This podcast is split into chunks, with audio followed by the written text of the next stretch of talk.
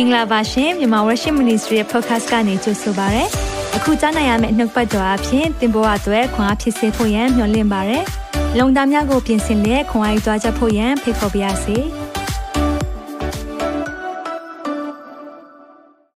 ဟုတ်ပြီအားလုံးရင်ခုန်နေမယ်လို့ထင်ပါတယ်နော်။ဒါကြောင့်ကျွန်တော်တို့အာဘာအကြောင်းပြောသွားမလဲဆိုရင်တော့ခုန secret weapon လွတ်ဝက်လက်နက်ချက်လွတ်ဝက်လက်နက်နော်ယုံကြည်သူတွေလွတ်ဝက်လက်နက်ရှိတယ်။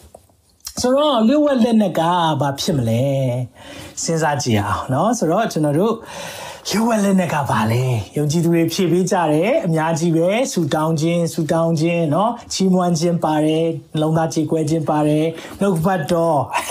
လက်နဲ့မမှားဘူးเนาะအဲ့လိုပြောလို့အာမှားတယ်လို့ပြောတော့မဟုတ်ဘူးကျွန်တော်တို့လက်နဲ့တွေကတော့အများကြီးရှိလိမ့်မယ်ဒါတဲ့ဒါနဲ့အဲ့ဒီအဲမှာမှာကျွန်တော်တို့ဒီနေ့ပြောချင်တဲ့လွှတ်ဝက်လက်နဲ့ တခုရှိပါတယ်အဲ့ဒီလက်နဲ့ကိုယုံကြည်သူတွေထုတ်သုံးတာသိနေတယ်ကျွန်တော်ပြောမယ်နော်ဒီလက်နက်ကိုကျွန်တော်တို့တွေထုတ်သုံးတာသိနေတယ်တီးတော့တီးတယ်ထုတ်သုံးတာနေတယ်ထုတ်သုံးတာနေတဲ့အကြောင်းရင်းကဘာလဲဆိုရင်ကျွန်တော်တို့ကအဲ့ဒီရဲ့အကျိုးဘာလဲဆိုတာမသိတာရဲ့ ဒီရဲ့လက်နက်အကြောင်းကိုသိချနားမလဲလို့ဖြစ်ပါလိမ့်မယ်။ဒါကြောင့်ကျွန်တော်ယုံကြည်တယ်ဒီနှုတ်ပတ်တော်အဖြစ်ကျွန်တော်လက်နက်ကဘာဖြစ်မလဲဘလို့သုံးရမလဲဆိုတာကိုပြောသွားမယ်။နော်လူဝလက်နက်ရှိတယ်တဲ့ our secret weapon is fasting အစာရှောင်ခြင်းဖြစ်တယ်မိတ်ဆွေအစာရှောင်ဆုတောင်းခြင်းပေါ့နော်အဲဒါကြောင့်တချို့ကဆုတောင်းခြင်းဆုတောင်းခြင်းလို့ဖြေသွားတဲ့အခါမှာကျွန်တော်ပြောတယ်တဝက်မှန်တယ်လို့ဒါပေမဲ့ဆုတောင်းခြင်းထဲမှာထိရောက်တဲ့ဆုတောင်းခြင်းသည်အစာရှောင်ဆုတောင်းခြင်းဖြစ်တယ်။ဒါပေမဲ့ဒီနေ့ကျွန်တော်ကအစာရှောင်ခြင်းကို general เนาะဒီနေ့အစာရှောင်ခြင်းကိုရည်မှုရအဖြစ်ဘာလဲဘာကြောင့်မလို့အစာရှောင်ခြင်းလိုအပ်တယ်ဆိုတဲ့အရာကိုပြောသွားမှာဖြစ်တယ်เนาะဒါကြောင့်ကျွန်တော်တို့ပြောတယ်ခုနကတော့ဒီလက်နက်ကိုထုတ်သုံးတဲ့လူနဲတယ်ဘယ်နှယောက်ထုတ်သုံးဖူးလဲဘယ်နှယောက်ထုတ်သုံးဖူးလဲဒီလက်နက်ကိုသိချင်ပါတယ်เนาะဆိုတော့ထုတ်သုံးရအောင်ဘာကြောင့်ထုတ်သုံးသင့်လဲဘာလဲဆိုတာကိုဒီလက်နဲ့အကြောင်းပေါ့เนาะဒါကြောင့်မလို့ဒီနေ့မှာ fasting ဖြစ်တဲ့ အစာရှောင်ခြင်းအကြောင်းကိုပြောသွားမှာဖြစ်တယ်။နော်အစာရှောင်ခြင်းကဘာလဲ။စာရှောင်ခြင်းကိုမိတ်ဆွေဘယ်လိုသဘောပေါက်ထားလဲ။နော်စာရှောင်ခြင်းကလေသိနာမယ်မကြည့်ဘူး။နော်တချို့တော့မှအာကြည့်မိတာမားသွားပြီထင်တယ်လို့ထင်ကောင်းထင်မယ်။တချို့ကအစားစားနေရင်လည်းဒီအကြောင်းကိုကြည့်နေလားမသိဘူးနော်။အမျိုးမျိုးဖြစ်နိုင်တယ်။ဒါမှကျွန်တော်ပြောပြချင်တယ်။အစာရှောင်ခြင်းကလေသိလေးနဲ့တယ်။ဒီနေ့ပြောမယ့်အရာကြေခဲသောအစာဖြစ်တယ်။တချို့လူတွေဒီ topic ကိုကြိုက်ချင်မှကြိုက်မယ်။ မကြိုက်တာကျွန်တော်နားလည်ပေးတယ်။ဘာကြောင့်လဲကြည်ခဲသောအစားအစာလူတိုင်းမစားနိုင်။ဒါကြောင့်ဒီနေ့ကျွေးမဲ့အရာကစားဖို့တချို့လူတွေအတွက်ခက်လိမ့်မယ်။အခါမှမစားဘူးတဲ့အစားအစာလည်းဖြစ်ကောင်းဖြစ်မယ်။ဒါပေမဲ့စားဖူးတဲ့သူတွေကဘလောက်ကောင်းသလဲဆိုတာကိုပြောပြတဲ့အခါမှာသင်ဂရုစိုက်ပြီးတော့နားထောင်ပေးပါသင်ကိုယ်တိုင်ဒီအစားအသောက်ကိုစားနိုင်ဖို့ရမျှော်လင့်ပါတယ်အာမင်အဲကြောင့်မလို့ our secret weapon က fasting ဖြစ်တယ် ကြည့်ရအောင်เนาะကျွန်တော်ပြင်ဆင်ထားတဲ့အရာရှိတယ်ဆိုတော့သိပ် popular မဖြစ်ဘူးဒီ topic နဲ့ပတ်သက်ပြီးတော့သိပ်လူတွေကမပြောကြအောင်။ဘာကြောင့်မပြောလဲဆိုတော့တကယ်လှုပ်ဝက်လက်နဲ့ဖြစ်နေတာလှုပ်ဝက်ထားတယ်။ဒီနေ့တော့လှုပ်ဝက်ချက်တွေကိုပေါ်ထုတ်တော့မယ်။ဒေးဗစ်ကင်ဖျားရဲ့နော်နိုင်ငံတော်ထဲမှာသာသနာထဲမှာပါဝင်တဲ့အခါမှာဘယ်လိုမျိုးသွားတယ်လဲ။ဘာလက်နဲ့ကိုသုံးတယ်လဲဆိုရင်တော့ဒီအခုပြောမယ့်လက်နဲ့အစာရှောင်ခြင်းလက်နဲ့ကိုသုံးပါတယ်။ဖျားအသုံးပြုတဲ့ ကဘာကျော်ဆရာဆရာမကြီးတွေအားလုံးကြည့်တဲ့အခါမှာလည်းဒီလက်နက်ကိုသုံးတယ်။ဒါကြောင့်မလို့မိတ်ဆွေဘွားမှာအောင်မြင်ခြင်းနဲ့မိတ်ဆွေဘွားမှာထူးခြားခြင်းနဲ့မိတ်ဆွေဘွားမှာအကျိုးအရင်ကအခြေအနေထက်ပိုပြီးရောက်ခြင်းနဲ့အာမင်ဘယ်နှယောက်အဲ့ဒါဝန်ခံပါတယ်လေ။ကိုယ့်ရဲ့အခုလက်ရှိအခြေအနေထက်တာ၍ဖခင်နဲ့နီးကပ်ခြင်းတာဘယ်နှယောက်ရှိလဲ။အခုလက်ရှိအောင်မြင်မှုတဲ့တာ၍အောင်မြင်ခြင်းတာဘယ်နှယောက်ရှိလဲ။အခု breakthrough ဆိုတဲ့ချိုးဖောက်ခြင်းနော်ပိတ်ဆို့နေတဲ့အားတွေချိုးဖြတ်သွားဖို့ဘယ်နှယောက်ကစံသားရှိတယ်လဲ။သင် ဆန္ဒရှိတယ်ဆိုရင်ဒီနှုတ်ကပတ်တော်ဟာသင်အတွက်ဖြစ်တယ်အာမင်ဒါကြောင့်ကျွန်တော်တို့ဆက်လက်ကြည့်အောင် fasting ကြောင့်ပြောသွားတဲ့အခါမှာ let's talk about fasting เนาะကျွန်တော် fasting နဲ့ပတ်သက်ပြီးတော့နည်းနည်းပြောရအောင်။ဘာပြောချင်လဲဆိုတော့ fasting ကြောင့်ပြောတဲ့အခါမှာ fasting မဟုတ်တဲ့အရာကိုအရင်ပြောမယ်เนาะဆိုတော့တော်တော်များများကျွန်တော်တို့ fasting နဲ့ပတ်သက်ပြီးတော့နားလည်မှုလွဲတဲ့ဟာဒါမှမဟုတ်ရင် misconception ဆိုတော့အယူဆနည်းနည်းလေးလွဲထားတဲ့အရာလေးတွေရှိတယ်။ဒါလေးတွေကိုအရင်ဆုံးရှင်းပေးခြင်းတယ်။ဒါကြောင့်မလို့ fasting ဘာလဲလို့မပြောခင်မှာ fasting ဘာမဟုတ်ဘူးလဲဆိုတာအရင်ပြောမယ်เนาะအစာရှောင်ခြင်းဘာလဲလို့ကျွန်တော်မပြောခင်မှာ အစာရှောင်ခြင်းမဟုတ်တဲ့ဟာနော်အစာရှောင်ခြင်းလို့ထင်ပြီးတော့အစာရှောင်ခြင်းမဟုတ်နေတဲ့အရာအရင်ဆုံးပြောပြမယ်အဲ့ဒါဘာလဲဆိုတော့နံပါတ်1အချက်က အစာရှောင်ခြင်းနဲ့ အစာချင့်ချိန်ခြင်းမတူပါတဲ့ဆိုတော့ diet ဆိုရင်အားလုံးသိကြတယ်เนาะ dieting အာကျွန်တော် diet လုပ်ထားပါတယ်ကျွန်မ diet လုပ်ထားပါတယ်ဆိုဘာလဲဆိုတော့ weight ချတယ်လို့ကျွန်တော်တို့ကဟိုနည်းနည်းနားလည်ထားတယ်တကယ်တော့ weight ချတာကိုပြောတာမဟုတ်ပဲねအစာချင့်ချိန်စားတာကိုပြောတာဖြစ်တယ်ဥပမာ diet လုပ်ထားတယ်ဆိုရင်ဥပမာအချိုရှောင်ရင်ရှောင်မယ်အစီအစိမ့်ရှောင်ရင်ရှောင်မယ်ဒါမှမဟုတ်ရင်ဟင်းသီးဟင်းရွက်နဲ့တစ်သီးဝရံနေပို့စားတာလည်းဖြစ်ကောင်းဖြစ်နိုင်တယ်ဆိုတော့ဒီအရာလေးတွေကိုလုပ်တဲ့အခါမှာလူ တွေကဘာပြောလို့ရှိလဲဆိုတော့ diet diet လုပ်တယ်လို့ကျွန်တော်တို့ကသိထားတယ်เนาะဆိုတော့ဒီမှာကြည့်တဲ့အခါမှာကျွန်တော်နားလည်စေချင်တာပါလဲဆိုတော့အစာရှောင်ခြင်းနဲ့ diet လုပ်တဲ့အစာချင့်ချိန်ခြင်းမတူဘူးအဲ့ဒီမှာကျွန်တော်ဆ iam ကြီး Lisa Bevere ကျွန်တော်ရန်နှစ်သက်တဲ့ဆ iam ဖြစ်တယ်သူပြောတဲ့အရာလေးတခုကျွန်တော်တအားခွန်အားရတာလေးဒီမှာရေးထားပေးတယ်အစာချင့်ချိန်စားခြင်းဟာတဲ့သင်ရဲ့ပုံသဏ္ဍာန်ပြောင်းလဲစေတယ်တဲ့ diet makes you make the way you look เนาะဆိုတော့ diet diet လို့ပြောတဲ့အခါမှာကျွန်တော် diet helps you the way you look ဆိုတာကျွန်တော်တို့ရဲ့ပုံသဏ္ဍာန်เนาะဆိုတော့ဝါနေတဲ့လူက diet လုပ်သွားရင်နည်းနည်းကိုရည်စစ်သွားတာเนาะစသဖြင့်ကျွန်တော်တို့ကမကြမ်းမာသလိုပုံစံပေါက်နေ diet လုပ်လိုက်တဲ့အခါမှာနည်းနည်းလေးလှပသွားတာစသဖြင့်ဒါကိုပုံသဏ္ဍာန်ပြောင်းတယ်ဒါမဲ့အစာရှောင်ခြင်းကိုဒီနေ့နားလဲပါသိရဲ့အမြင်ပြောင်းစေတယ်အဲ့ဒါကွာတယ်နော်အစာရှောင်တာကြတော့အမြင်ပြောင်းသွားတယ်လောကအရာမြင်နေမဲ့အစားဖရာအရာမြင်သွားတာ ဒီအောက်အရာ logic အရာဆွဲလန်းတဲ့အစားအထက်အရာကိုဆွဲလန်းတာဒါမျိုးကိုပြောတာဖြစ်တယ်ဒါကြောင့်မလို့အစားချင်းချင်းစားချင်းနဲ့အစားရှောင်ချင်းလုံးဝမတူဘူးဆိုတာကိုနံပါတ်1နားလည်စေချင်တယ်တစ်ခေါက်ပြန်ပြောမယ်အစားချင်းချင်းစားချင်းဟာသင်ရဲ့ပုံသဏ္ဍာန်သင်ပုံစံ the way you look သင်သင်သင်ကိုလူတွေမြင်တဲ့အမြင်ပြောင်းစေတယ်ဒါပေမဲ့အစာရှောင်ခြင်းကသင်ကသူများကိုမြင်တဲ့အမြင်သင်အမြင်ကိုပြောင်းစေတယ်အယံကွာတယ်နော်ဒါကြောင့်မလို့ တခါလေကျွန်တော်တို့လောက်တတ်ပါတယ်နဲ့ဝနေဆိုအေးငါအစာရှောင်လိုက်အောင်မယ်နော်အဲ့ဒါ diet လောက်တာဖြစ်တယ်အစာရှောင်တာမဟုတ်ဘူးနော်ဒါကိုလည်းပြီးကြရင်ကျွန်တော်ထပ်ပြောသွားမယ်ကဲနံပါတ်1ချက် fasting မဟုတ်တဲ့အရာအစာရှောင်ခြင်းမဟုတ်တဲ့နံပါတ်1ချက်ပါလဲဆိုတော့အစာရှောင်ခြင်းနဲ့အစာငတ်ခံဆန္ဒပြခြင်းမတူဘူး hunger strike ဆိုတော့ကျွန်တော်တို့တွေနိုင်ငံရေးအတိုင်းဝိုင်းတွေထဲမှာအရန်လောက်ကြတယ်เนาะဆန္ဒပြတာပေါ့เนาะဥပမာအစိုးရကကိုယ့်ရဲ့တောင်းဆိုမှုတစ်ခုခုကိုမလိုက်လျောဘူးစသဖြင့်လိုက်လျောစေခြင်းနဲ့အကြောင်းအရာလေးရှိတယ်ဆိုရင်ကျွန်တော်တို့ကဘာလုပ်လို့ရှိလဲဆိုတော့ hunger strike ဆိုတာအာအစာငတ်ခံဆန္ဒပြတယ် အစာငတ်ခံပြီးတော့ hunger strike လုပ်ရဆိုတော့လူတွေကကိုယ့်ကိုယ်အန်ဒီရီဖြစ်တော့မယ်ဆိုတော့ဟိုအစိုးရကလည်းတည်တဲ့ခါမှာအေးအေးနင်တို့အဲ့လိုမျိုးမလုံးနဲ့ငါတို့လိုက်လျောပေးမယ်ဟာဆိုတော့လူတွေလိုက်လျောဖို့ရန်အတွက်လှုပ်တဲ့အရာဆိုတော့အဲ့ဒီရဲ့အယူဆကိုကျွန်တော်တို့ကယူလာပြီးတော့ဖျားပေါ်မှာလှုပ်တတ်တယ်နော်ဆိုတော့အဲ့ဒါလေးကိုကျွန်တော်အယုံနာလဲစေချင်တယ်ကျွန်တော်တို့ hunger strike နဲ့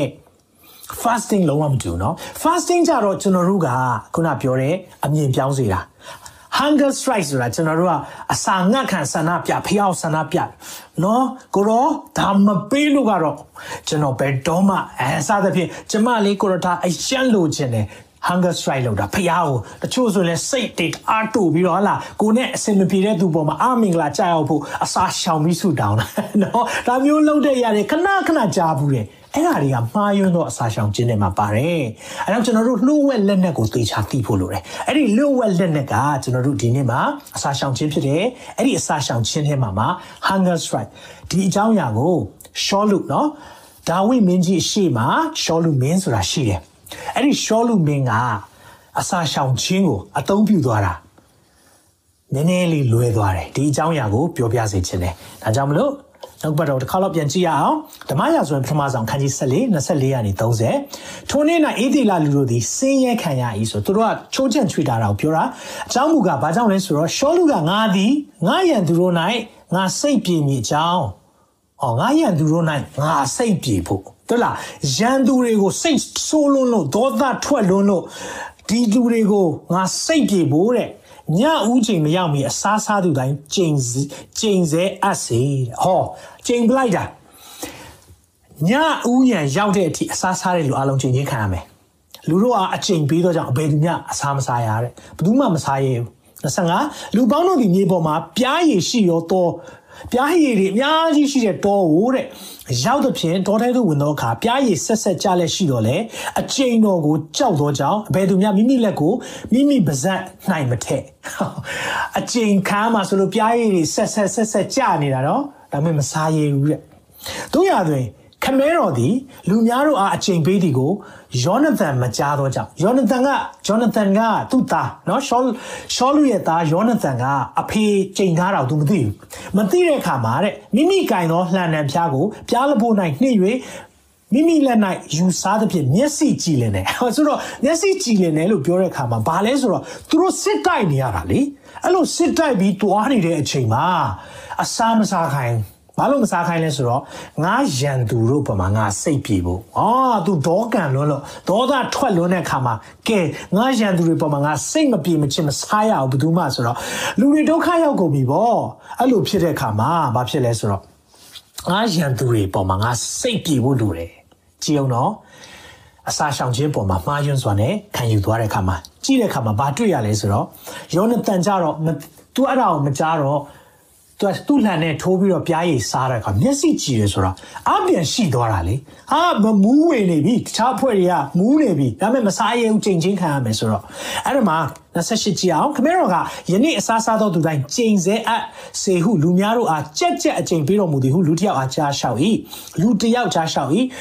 လူတို့သည်မောလျက်နေကြ၏အားလုံးမောကုန်ပြီ ယောနသန်ကလည်းငါအဘသည်ပြည်သားတို့ကိုနှောက်ယှက်လေပြီအဖေကလည်းရှောက်လုပ်ပြန်ပြီဤပြားရဲ့အနေငယ်ကိုငါစားတော့ကြောင့်ငါမျက်စိကြည်လင်သည်ကိုကြည့်ပါတော့ငါနည်းနည်းစားတာတော့ဘလောက်အားပြည့်သွားလဲလူများတို့သည်ယနေ့တွေ့မိသောရန်သူဤဥစ္စာကိုစားကျင်တိုင်းစားလင်အဘယ်များလောက်အကျိုးကြီးလိမ့်မည်တကားဖိလိတိလူတို့ကိုတာ၍လုံခြံကြလိမ့်မည်တကားဟုဆိုလေ၏တဲ့မိတ်ဆွေအဲ့ဒါလေးကိုနားလေစေချင်တယ်နော်ကြည့်အောင်ဒီမှာလေးဘာဖြစ်သွားလဲဆိုတော့ ဂျောနသန်ပြောတယ်အကယ်၍ပြားရည်သာစားလိုက်ရင်ဘလောက်ကောင်းမလဲတွေ့လားဒါကြောင့်မလို့အစာရှောင်ခြင်းကိုမှားယွင်းစွာသုံးတာအစာရှောင်ခြင်း hunger strike အစာငတ်ခံဆန္ဒပြတာငါလူငါစိတ်ပြေဖို့ဖိလိတိလူတွေငါသတ်ပြီးမှပဲစားရမယ်အဲ့ဒီအချိန်မှာစားတဲ့လူချိန်ခံရမယ်တဲ့ဒါကဘာကိုပြလဲဆိုတော့အတ္တကိုပြတယ်မှတ်ထားပါမိတ်ဆွေကျွန်တော်တို့ ကျွန်တော်တို့ ਨੇ အစာရှောင်ခြင်းကလုံးဝမဆိုင်ကျွန်တော်တို့ရဲ့အတ္တကျွန်တော်တို့ရဲ့ဆန္ဒပြေဝဖို့လုပ်တဲ့အရာဆိုရင်သူများလည်းအကျိုးမရှိဘူးကြည်ပါလားတတ်တစ်ခုလုံးကမောပန်းပင်ပန်းကုန်ပြီဘာကြောင့်လဲရှောလူရဲ့အစာရှောင်ခြင်းမှားယွင်းစွာအသုံးပြုလို့ဖြစ်တယ်เนาะဟုတ်ပြီเนาะပထမတစ်ချက်က diet မဟုတ်ဘူးဒုတိယတစ်ချက်က hunger strike ဆိုတဲ့အစာငတ်ခံဆန္ဒပြခြင်းမဟုတ်ဘူးเนาะဒါဆိုရင်တတိယချက်ကိုကြည့်အောင် အဲ့တော့ဗာလဲဆိုတော့အစာရှောင်ခြင်းဒီလူအထင်ကြီးအောင်လှုပ်ဆောင်တော့အရာမဟုတ်ဘူးလူအထင်ကြီးအောင်တော်တော်များများလှုပ်ဆောင်တတ်တယ်အာဟာလာအစာရှောင်ထားလို့ပါဟာလာအစာရှောင်ဆူတောင်းနေတယ်ဗာဆူတောင်းခံချက်လေးတွေများရှိမလဲမိတ်ဆွေကျွန်တော်တို့ပုံမှန်စာရှောင်တဲ့သူတွေတော့ရှိပါတယ်ဒါပေမဲ့တချို့တွေကအစာရှောင်ခြင်းအပေါ်မှာနော်ပို့ပြီးတော့ဟိုလူရာထက်ပို့လုပ်တဲ့အရာဒီမှာကျန်းစာနဲ့ကြည့်အောင်ရှမသက်ခရစ်ဝင်ကျမ်း6အာ16နဲ့18မှာဒီလိုပြောပါတယ် သင်တို့ဒီအစာရှောင်ခြင်းအကျင့်ကိုကျင့်တော့အခါအစာရှောင်ခြင်းကိုအကျင့်အနေနဲ့ဘုရားကပြောတယ်လှုပ်ဝက်သောသူတို့ဤသူမျက်နာညှိုးငယ်ခြင်းမရှိကြနဲ့ လျှို့ဝှက်တော်ဒီဆိုတချို့တွေကဒါကိုကြိတ်ပြီးတော့လှုပ်တဲ့လူတွေရှိတယ်။ထို့သူတို့တွေမိမိတို့အစာရှောင်တွေကိုလူများတို့၌ထင်ရှားစေခြင်းကမိမိတို့မျက်နာကိုဖျက်တတ်ကြ၏။အာမျက်နာတွေမကောင်းဘာဖြစ်လဲအစာရှောင်ထားလို့လေစပတ်ကြည့်အောင်ငါမငါဆိုဒီက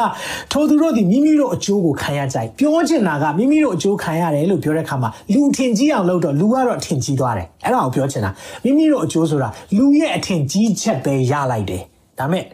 အနောက်မှာဆက်ကြည့်အောင်တင်းဒီအစာရှောင်တော့ကအစာရှောင်ဒီကိုလူများတို့ရှေ့၌မထင်ရှားစေပဲမထင်ရှားသောအရင်၌ရှိတော်မူသောတင်းတို့အဘရှိတော်၌သာထင်ရှားစေခြင်းကခေါင်းကိုလိမ့်ကြံလော့နော်ခေါင်းတွေလိမ့်ထားတဲ့သေချာလှုပ်ထားပေါ့နော်နောက်ပြီးရင်မျက်နှာကိုတစ်လော့မျက်နှာသေချာတစ်မထင်ရှားသောအရာကိုမြင်တော်မူသောသင်တို့ဘာသည်အကျိုးကိုထင်ရှားစွာပေးမယ်မထင်ရှားတဲ့အရာမှာရှိတဲ့နော်မမြင်ရတဲ့ဖခင်ကျွန်တော်တို့အကျိုး ထင်ရှားစွာပေးမယ်ဘယ်လိုလူတွေလဲကြည့်တဲ့အခါမှာအစာရှောင်ခြင်းကိုလူထင်ကြည့်အောင်လုပ်တာမဟုတ်ဘူးအဲ့ဒါကိုနားလဲစေချင်တယ်မိတ်ဆွေကျွန်တော်တစ်ခါလေကြာရင်ဒါဖြစ်တတ်လို့ပြောပြတာကျွန်တော်တို့အစာရှောင်ထားတယ်ဆိုရင်ကျွန်တော်တို့ကအထင်ကြီးအောင်ရမ်းလုပ်တတ်တယ်ဒါပေမဲ့အဲ့ဒါမဖြစ်ရအောင်ဒါကြောင့်အစာရှောင်ခြင်းဆိုတာခုနပြောတယ်လူတွေအထင်ကြီးအောင်လုပ်ရင်တော့လူတွေရဲ့အထင်ကြီးချက်ပဲရမယ်ဒါကြောင့်မလို့အကျိုးဖြစ်တယ်လို့ပြောတာဒါပေမဲ့ဘာအကျိုးမဖြစ်ဘူးလဲဆိုတော့ဖယားကထင်ရှားစွာအကျိုးပေးခြင်းမရအောင် အဲကြောင့်အစာရှောင်ခြင်းကိုကျွန်တော်မဟုတ်တဲ့အစာရှောင်ခြင်းမှားယွင်းစွာခံယူချက်လေး၃ခုကိုအရင်ဆုံးရှင်းပေးခြင်းနဲ့အဲ့ဒါကတော့အစာရှောင်ခြင်းဟာ diet အစာ ချင့်ချိန်စားခြင်းမဟုတ်ပါဘူးအစာရှောင်ခြင်းဟာ hunger strike အစာငတ်ခံဆန္ဒပြခြင်းမဟုတ်ပါဘူးနောက်ဆုံးချက်ကအစာရှောင်ခြင်းဟာလူအထင်ကြီးအောင်လုပ်ပြတဲ့အရာမဟုတ်ပါဘူးအာမင်ဒါလေးကိုအရင်ဆုံးနားလည်ဖို့လိုတယ်โอเคကျွန်တော်သင်ခန်းစာကိုဆက်သွားကြည့်အောင် ဟုတ်ပြီဒါဆိုရင်เนาะစာရှောင်ခြင်းကကျွန်တော်ဒီမှာ၃ချက်ပေးထားပါတယ်စာရှောင်ခြင်းနဲ့အစာချင့်ချိန်စားတဲ့ diet မတူဘူးအစာရှောင်ခြင်းနဲ့အစာငတ်ခံဆန္ဒပြခြင်းမတူဘူးအစာရှောင်ခြင်းဟာလူအထင်ကြီးအောင်လှုပ်ဆောင်တဲ့အရာမဟုတ်ဘူးဆိုတာကို this what is not fasting เนาะကျွန်တော်မှာအာ not fasting အစာရှောင်ခြင်းမဟုတ်တဲ့အရာ၃ခုကိုကျွန်တော်ပြောပြထားတာဖြစ်တယ်ဒီချက်အများကြီးရှိတယ်ဒါပေမဲ့ကျွန်တော်ဒီ၃ခုကလူတော်တော်များများမှားယွင်းစွာခံယူနေတဲ့အရာဖြစ်တဲ့အတွက်အရင်ဆုံးရှင်းပြချင်တာဖြစ်တယ်ဟုတ်ပြီဒါဆိုရင်အစာရှောင်ခြင်းပါလေ what is fasting စာရှောင်ခြင်းပါလေလို့သဘောပေါက်ထားလဲ။နော်အခုစာရှောင်ခြင်းကိုကျွန်တော်သိကြပြီဆိုတော့စာရှောင်ခြင်းပါလေပြောကြည့်ရအောင်နော်။ဆိုတော့သခင်ယေရှုကတဲ့ယုံကြည်သူတိုင်းအပေါ်မှာမျှော်လင့်ထားတဲ့အရာ၃ခုရှိတယ် အဲ့ဒီအရာထက်တစ်ခုဖြစ်တယ်ယုံကြည်သူတိုင်းကိုမျှော်လင့်ထားတာ၃ခုရှိတယ်နော်အဲ့ဒီအရာကိုကျွန်တော်တို့ဘယ်မှာတွေ့ရလဲဆိုတော့ရှင်မသက်အခန်းကြီး6ထဲမှာတွေ့ရတယ်။ဒီရှင်ရှင်မသက်6ကကျွန်တော်တောင်ပေါ်ဒေသနာနဲ့ဆက်ဆက်နေတဲ့အရာဖြစ်တယ်နော်။ဆိုတော့ကျွန်တော်တို့ကိုဖခင်က ပြောတဲ့အရာသူမျောလူမျောလင့်ထားတဲ့အရာ၃ခုရှိတယ်အဲ့ဒါကိုကျွန်တော်၃ခုလုံးကိုဆက်ဆက်ပြီးတော့ရေးထားပေးတယ်ရှင်မတ်တဲ့ခရစ်ဝင်ကျမ်းအခန်းကြီး6အငယ်2ရဲ့9ရဲ့16ရဲ့အဲ့ဒီ၃ခုမှာ၃ချက်လုံးကျွန်တော် highlight လုပ်ထားပေးတယ်ကျွန်တော်တို့ကိုဖခင်ကဖြစ်စေခြင်းတဲ့အရာ၃ခုရှိတယ်အလှူဒါနပေးခြင်း giving ဖခင်ကပေးကမ်းလူရန်ခြင်းကိုလေအလှူဒါနပေးသောအခါအင်္ဂလိပ်ကျမ်းစာမှာ when you give ပေးသောအခါဒီလိုမပြောဘူးနော် if you give ပေးခဲ့မယ်ဆိုလို့ရှိရင်မပြောဘူးပေးသောအခါဆိုတာမင်းအလူပေးမယ်ဆိုရင်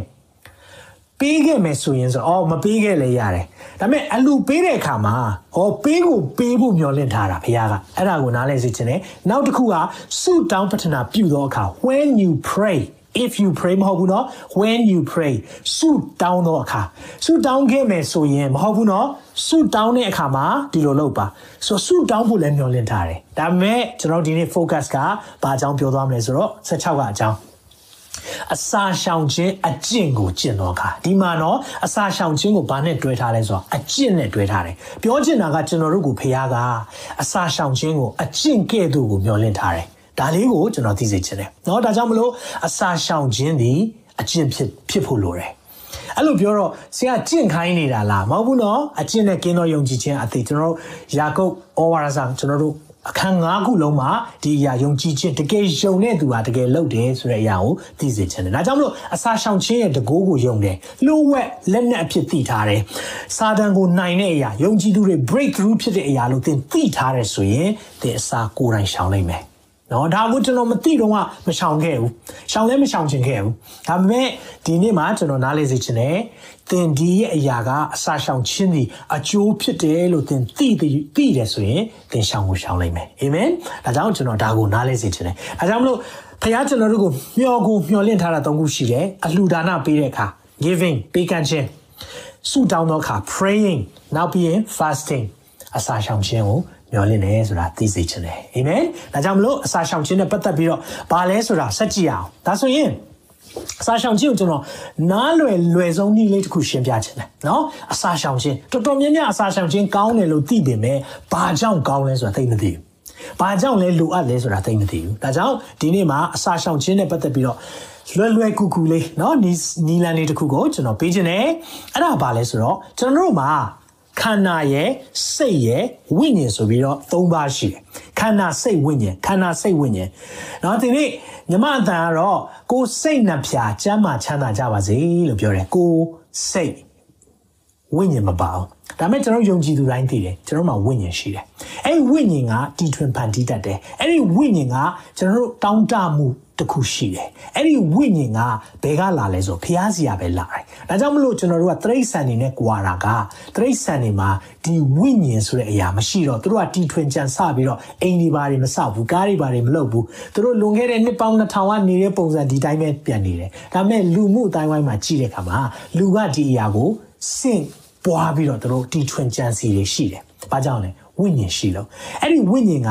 လာတဲ့နေရာရှိတယ်လို့သွားတဲ့နေရာလည်းရှိတယ်။ Okay ဒါပေမဲ့ကျွန်တော်တို့ဒီနေ့ဝိညာဉ်ကိုဘာကြောင့်ပြောလဲဆိုတာကိုပြောပြချင်တယ်။သင်ဘယ်အရာကိုအစားအများဆုံးကျွေးနေလဲ။အဲ့ဒါအရေးကြီးတယ်။ဒီနေ့အဲ့ဒါကိုအရင်ဆုံးပြောရအောင်။နော်သင်သင်ဘယ်အရာကိုအစားအများဆုံးကျွေးနေလဲ။တချို့လူတွေကိုယ်ခန္ဓာကိုအစားအများဆုံးကျွေးတယ် အဲ့လိုကိုယ်ခန္ဓာကိုအစားအများဆုံးကျွေးတဲ့အခါမှာလေကိုယ်ခန္ဓာကအစားအများဆုံးရကြအောင်တက်တည်ပြတယ်ဟုတ်လားကျွန်တော် lockdown မှာကိုယ်ခန္ဓာကိုအများကြီးကျွေးကြတယ်နော်ဟုတ်ပြီကိုယ်ခန္ဓာကိုစားကျွေးရင်ကိုယ်ခန္ဓာအာဟာရဖြစ်တယ်စိတ်ကိုအစာကျွေးရင် စိတ်ကအာဟာရဖြစ်တယ်။ဒါကြောင့်ကျွန်တော်တို့ကစိတ်အစာကျွေးမယ်ဆိုရင်ရုပ်ရှင်ကြည့်တာတို့စာဖတ်တာတို့ကျွန်တော်စိတ်အစာကျွေးတဲ့အရာเนาะ entertainment တို့အာကျွန်တော်တို့စိတ်ပျော်မဲ့အရာကိုရှာလေးရှိတယ်။အဲ့ဒါစိတ်အစာစိတ်အတွက်အာဟာရဟုတ်ပြီနော်။ဒါဆိုရင်ဝိညာဉ်ကိုသင်အစာကျွေးလား။ဝိညာဉ်အာဟာရဖြစ်ဖို့လုပ်တယ်။အကယ်၍သင်ဒီချိန်ကျွန်တော်ရဲ့နှုတ်ပတ်တော်ကို online မှာနားထောင်ဖို့ ကြိုတင်စိတ်လှုပ်ရှားတယ်တချို့တွေ comment တွေအများကြီးရေးထားတယ်စောင့်နေပြီဆရာ share ပြီးပြီဆရာအားလုံးစောင့်နေတယ်ဆိုတာဘာကိုပြလဲသိလားဒီဝိညာဉ်အစာကိုလိုချင်တာအဲ့ဒါပဲအရေးကြီးတယ်နော်ဆိုတော့ကျွန်တော်တို့ကဒီ၃ခုထဲမှာဘယ်အရာကိုအစာအများဆုံးကျွေးတတ်လဲဆိုရင်အပေါ်နှစ်ခုခန္ဓာနဲ့စိတ်အဲ့ဒီနှစ်ခုမှာအစာကျွေးတဲ့ခါမှာဘယ်ဘယ်ဥစ္စာကနစ်နာသွားလဲဆိုရင်ဝိညာဉ်ကအစာစားတာနေသွားတယ်။ အဲကြောင့်ကျွန်တော်တို့ကဝိညာဉ်အာဟာရဆိုတာသိလို့အပ်တယ်။စဉ်းစားကြည့်အောင်နော်။ခန္ဓာကိုယ်အစားအစာကိုကြည့်ပါဦး။ကျွန်တော်တို့တပတ်မှာတရက်အစားစားပြီးတော့9ရက်လုံးနေတဲ့လူရှိလား။တရက်စားရင်လုံလောက်ပြီ။တရက်မှာတော့တစ်နှက်စားရင်လုံလောက်ပြီ။9ရက်လုံး run လုပ်ရတယ်။အလုပ်လည်းလုပ်လို့ရတယ်။သွားလည်းသွားနိုင်တယ်။ကြောင်းအလုပ်အကုန်လုပ်နိုင်တယ်။အဲ့လိုလူရှိလား။နော်ဆိုတော့လေးကိုရင်ဆွေးနွေးရအောင်ဆိုတော့ကျွန်တော်တို့အစားအသောက်စားတဲ့အခါမှာတရက်စားပြီး9ရက်နေလို့မရအောင် ဒါဆိုရင်သင်ဝိညာဉ်အစားအစာကိုတပတ်မှတရက်စားတာလုံလောက်တယ်လို့ဘာကြောင့်ပြောတာလဲဘာကြောင့်အဲ့လိုခံယူတာလဲဝိညာဉ်အစားအစာတရက်တစ်နှက်လေးစားတာနော်ဒါကြောင့်တစ်ခါလေတချို့ကလေတပတ်မှတရက်လေးဖျားချောင်းလာပြီးဝိညာဉ်အစားအစာစားသွားပြီးဆိုတပတ်လုံးရှင်သန်နိုင်မယ်ဆိုတဲ့စိတ်နဲ့သွားတဲ့အခါမှာအောင်မြင်တဲ့လောက်မအောင်မြင်တာအဲကြောင့်ကျွန်တော်တို့ဝိညာဉ်အစားအစာလည်းနေ့တိုင်းစားရတယ်သင်ခန္ဓာကိုယ်သုံးနှက်စားရင်ဝိညာဉ်အစားအစာလည်းသုံးနှက်စားဖို့လိုတယ် စိတ်အစားအစာရောဝိညာဉ်အစားအစာအရေးကြီးဆုံးဖြစ်တယ်เนาะဒါကြောင့်ဒီဟာလေးကိုဆက်ပြီးတော့ကျွန်တော်တို့ကြည့်အောင်ဟုတ်ပြီဆိုတော့ခန္ဓာကိုယ်ကိုဒါဆိုအစာရှောင်ခြင်းဆိုတာဘာလဲဒီနေ့ကျွန်တော် definition ပေးမယ်အဓိပ္ပာယ်ဖွင့်ဆိုပေးမယ်ဘာလဲဆိုတော့အစာရှောင်ခြင်းဆိုတဲ့အဓိပ္ပာယ်ကဘာလဲဆိုတော့ကိုယ်ခန္ဓာကိုအစာမကျွေးတော့โอเคကိုယ်ခန္ဓာကိုအစာမစားခိုင်းတော့ဘူးစိတ်ကိုအစာမကျွေးတော့ဘူး အစာမစားခိုင်းတော့မယ်ဘာကိုအစာကျွေးတာလဲဆိုတော့ဝိညာဉ်ကိုအစာကျွေးတာဝိညာဉ်စာတွေစားတာအဲ့ဒါကြောင့်မလို့အစာရှောင်ခြင်းသည်အတွင်းလူကိုခိုင်ခန့်စေခြင်းဖြစ်သည်အာမင်တစ်ခေါက်ပြန်ပြောပါမယ်အစာရှောင်ခြင်းသည်အတွင်းလူကိုခိုင်ခန့်စေခြင်းဖြစ်သည်တဲ့ရေးကြည့်တယ်နော်ဒါကြောင့်အစာရှောင်ခြင်းကိုကျွန်တော်တို့ကလှုပ်ဝက်လက်နဲ့အဖြစ်ထားတာပါလဲဆိုတော့တင့်ထဲမှာအတွင်းလူရှိတယ်ကျမ်းစာကပြောလဲဆူတောင်းတော့ချက်ဟူမူကားရှင်ဘောလူကအေဖက်အသင်းတော်တွေကို စာရေးတဲ့အခါမှာငါမင်းတို့အတွက်ဆုတောင်းတယ်နော်မင်းတို့အတွက်ဆုတောင်းတဲ့ထဲမှာဆိုပြီးတော့ ရှင်ပေါလုရဲ့ဆုတောင်းချက်ထဲမှာတစ်ခုပါပါလဲဆိုတော့ဝိညာဉ်တော်အဖြစ်သင်တို့၏အတွင်းလူကိုခွန်အားဖြင့်မြဲမြံခံခန့်စေတယ်။နားလဲပါ။ဒါကြောင့်မလို့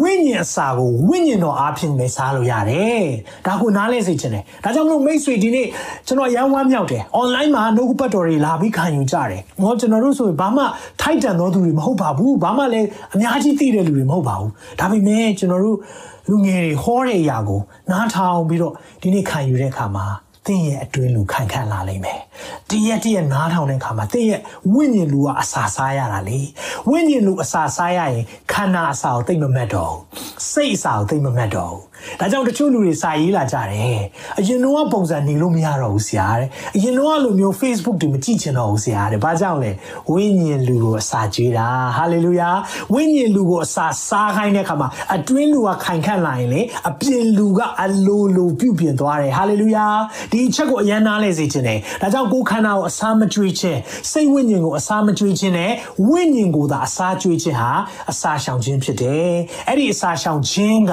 အတွင်းလူကိုခိုင်ခန့်စေခြင်းဖြစ်တယ်။ဟာလေလုယာ။ဒါဆိုအစာရှောင်ခြင်းပါလဲဆရာလို့ပြောရင်သင်ဝိညာဉ်လူကိုအစာကျွေးခြင်းဖြစ်တယ်အာမင်ဝိညာဉ်လူကိုအစာကျွေးလိုက်ပြီဆိုရင်ကျန်တဲ့အရာဆင်ပြေလိမ့်မယ်ဟုတ်ပြီဒါဆိုကျွန်တော်တို့ဘာ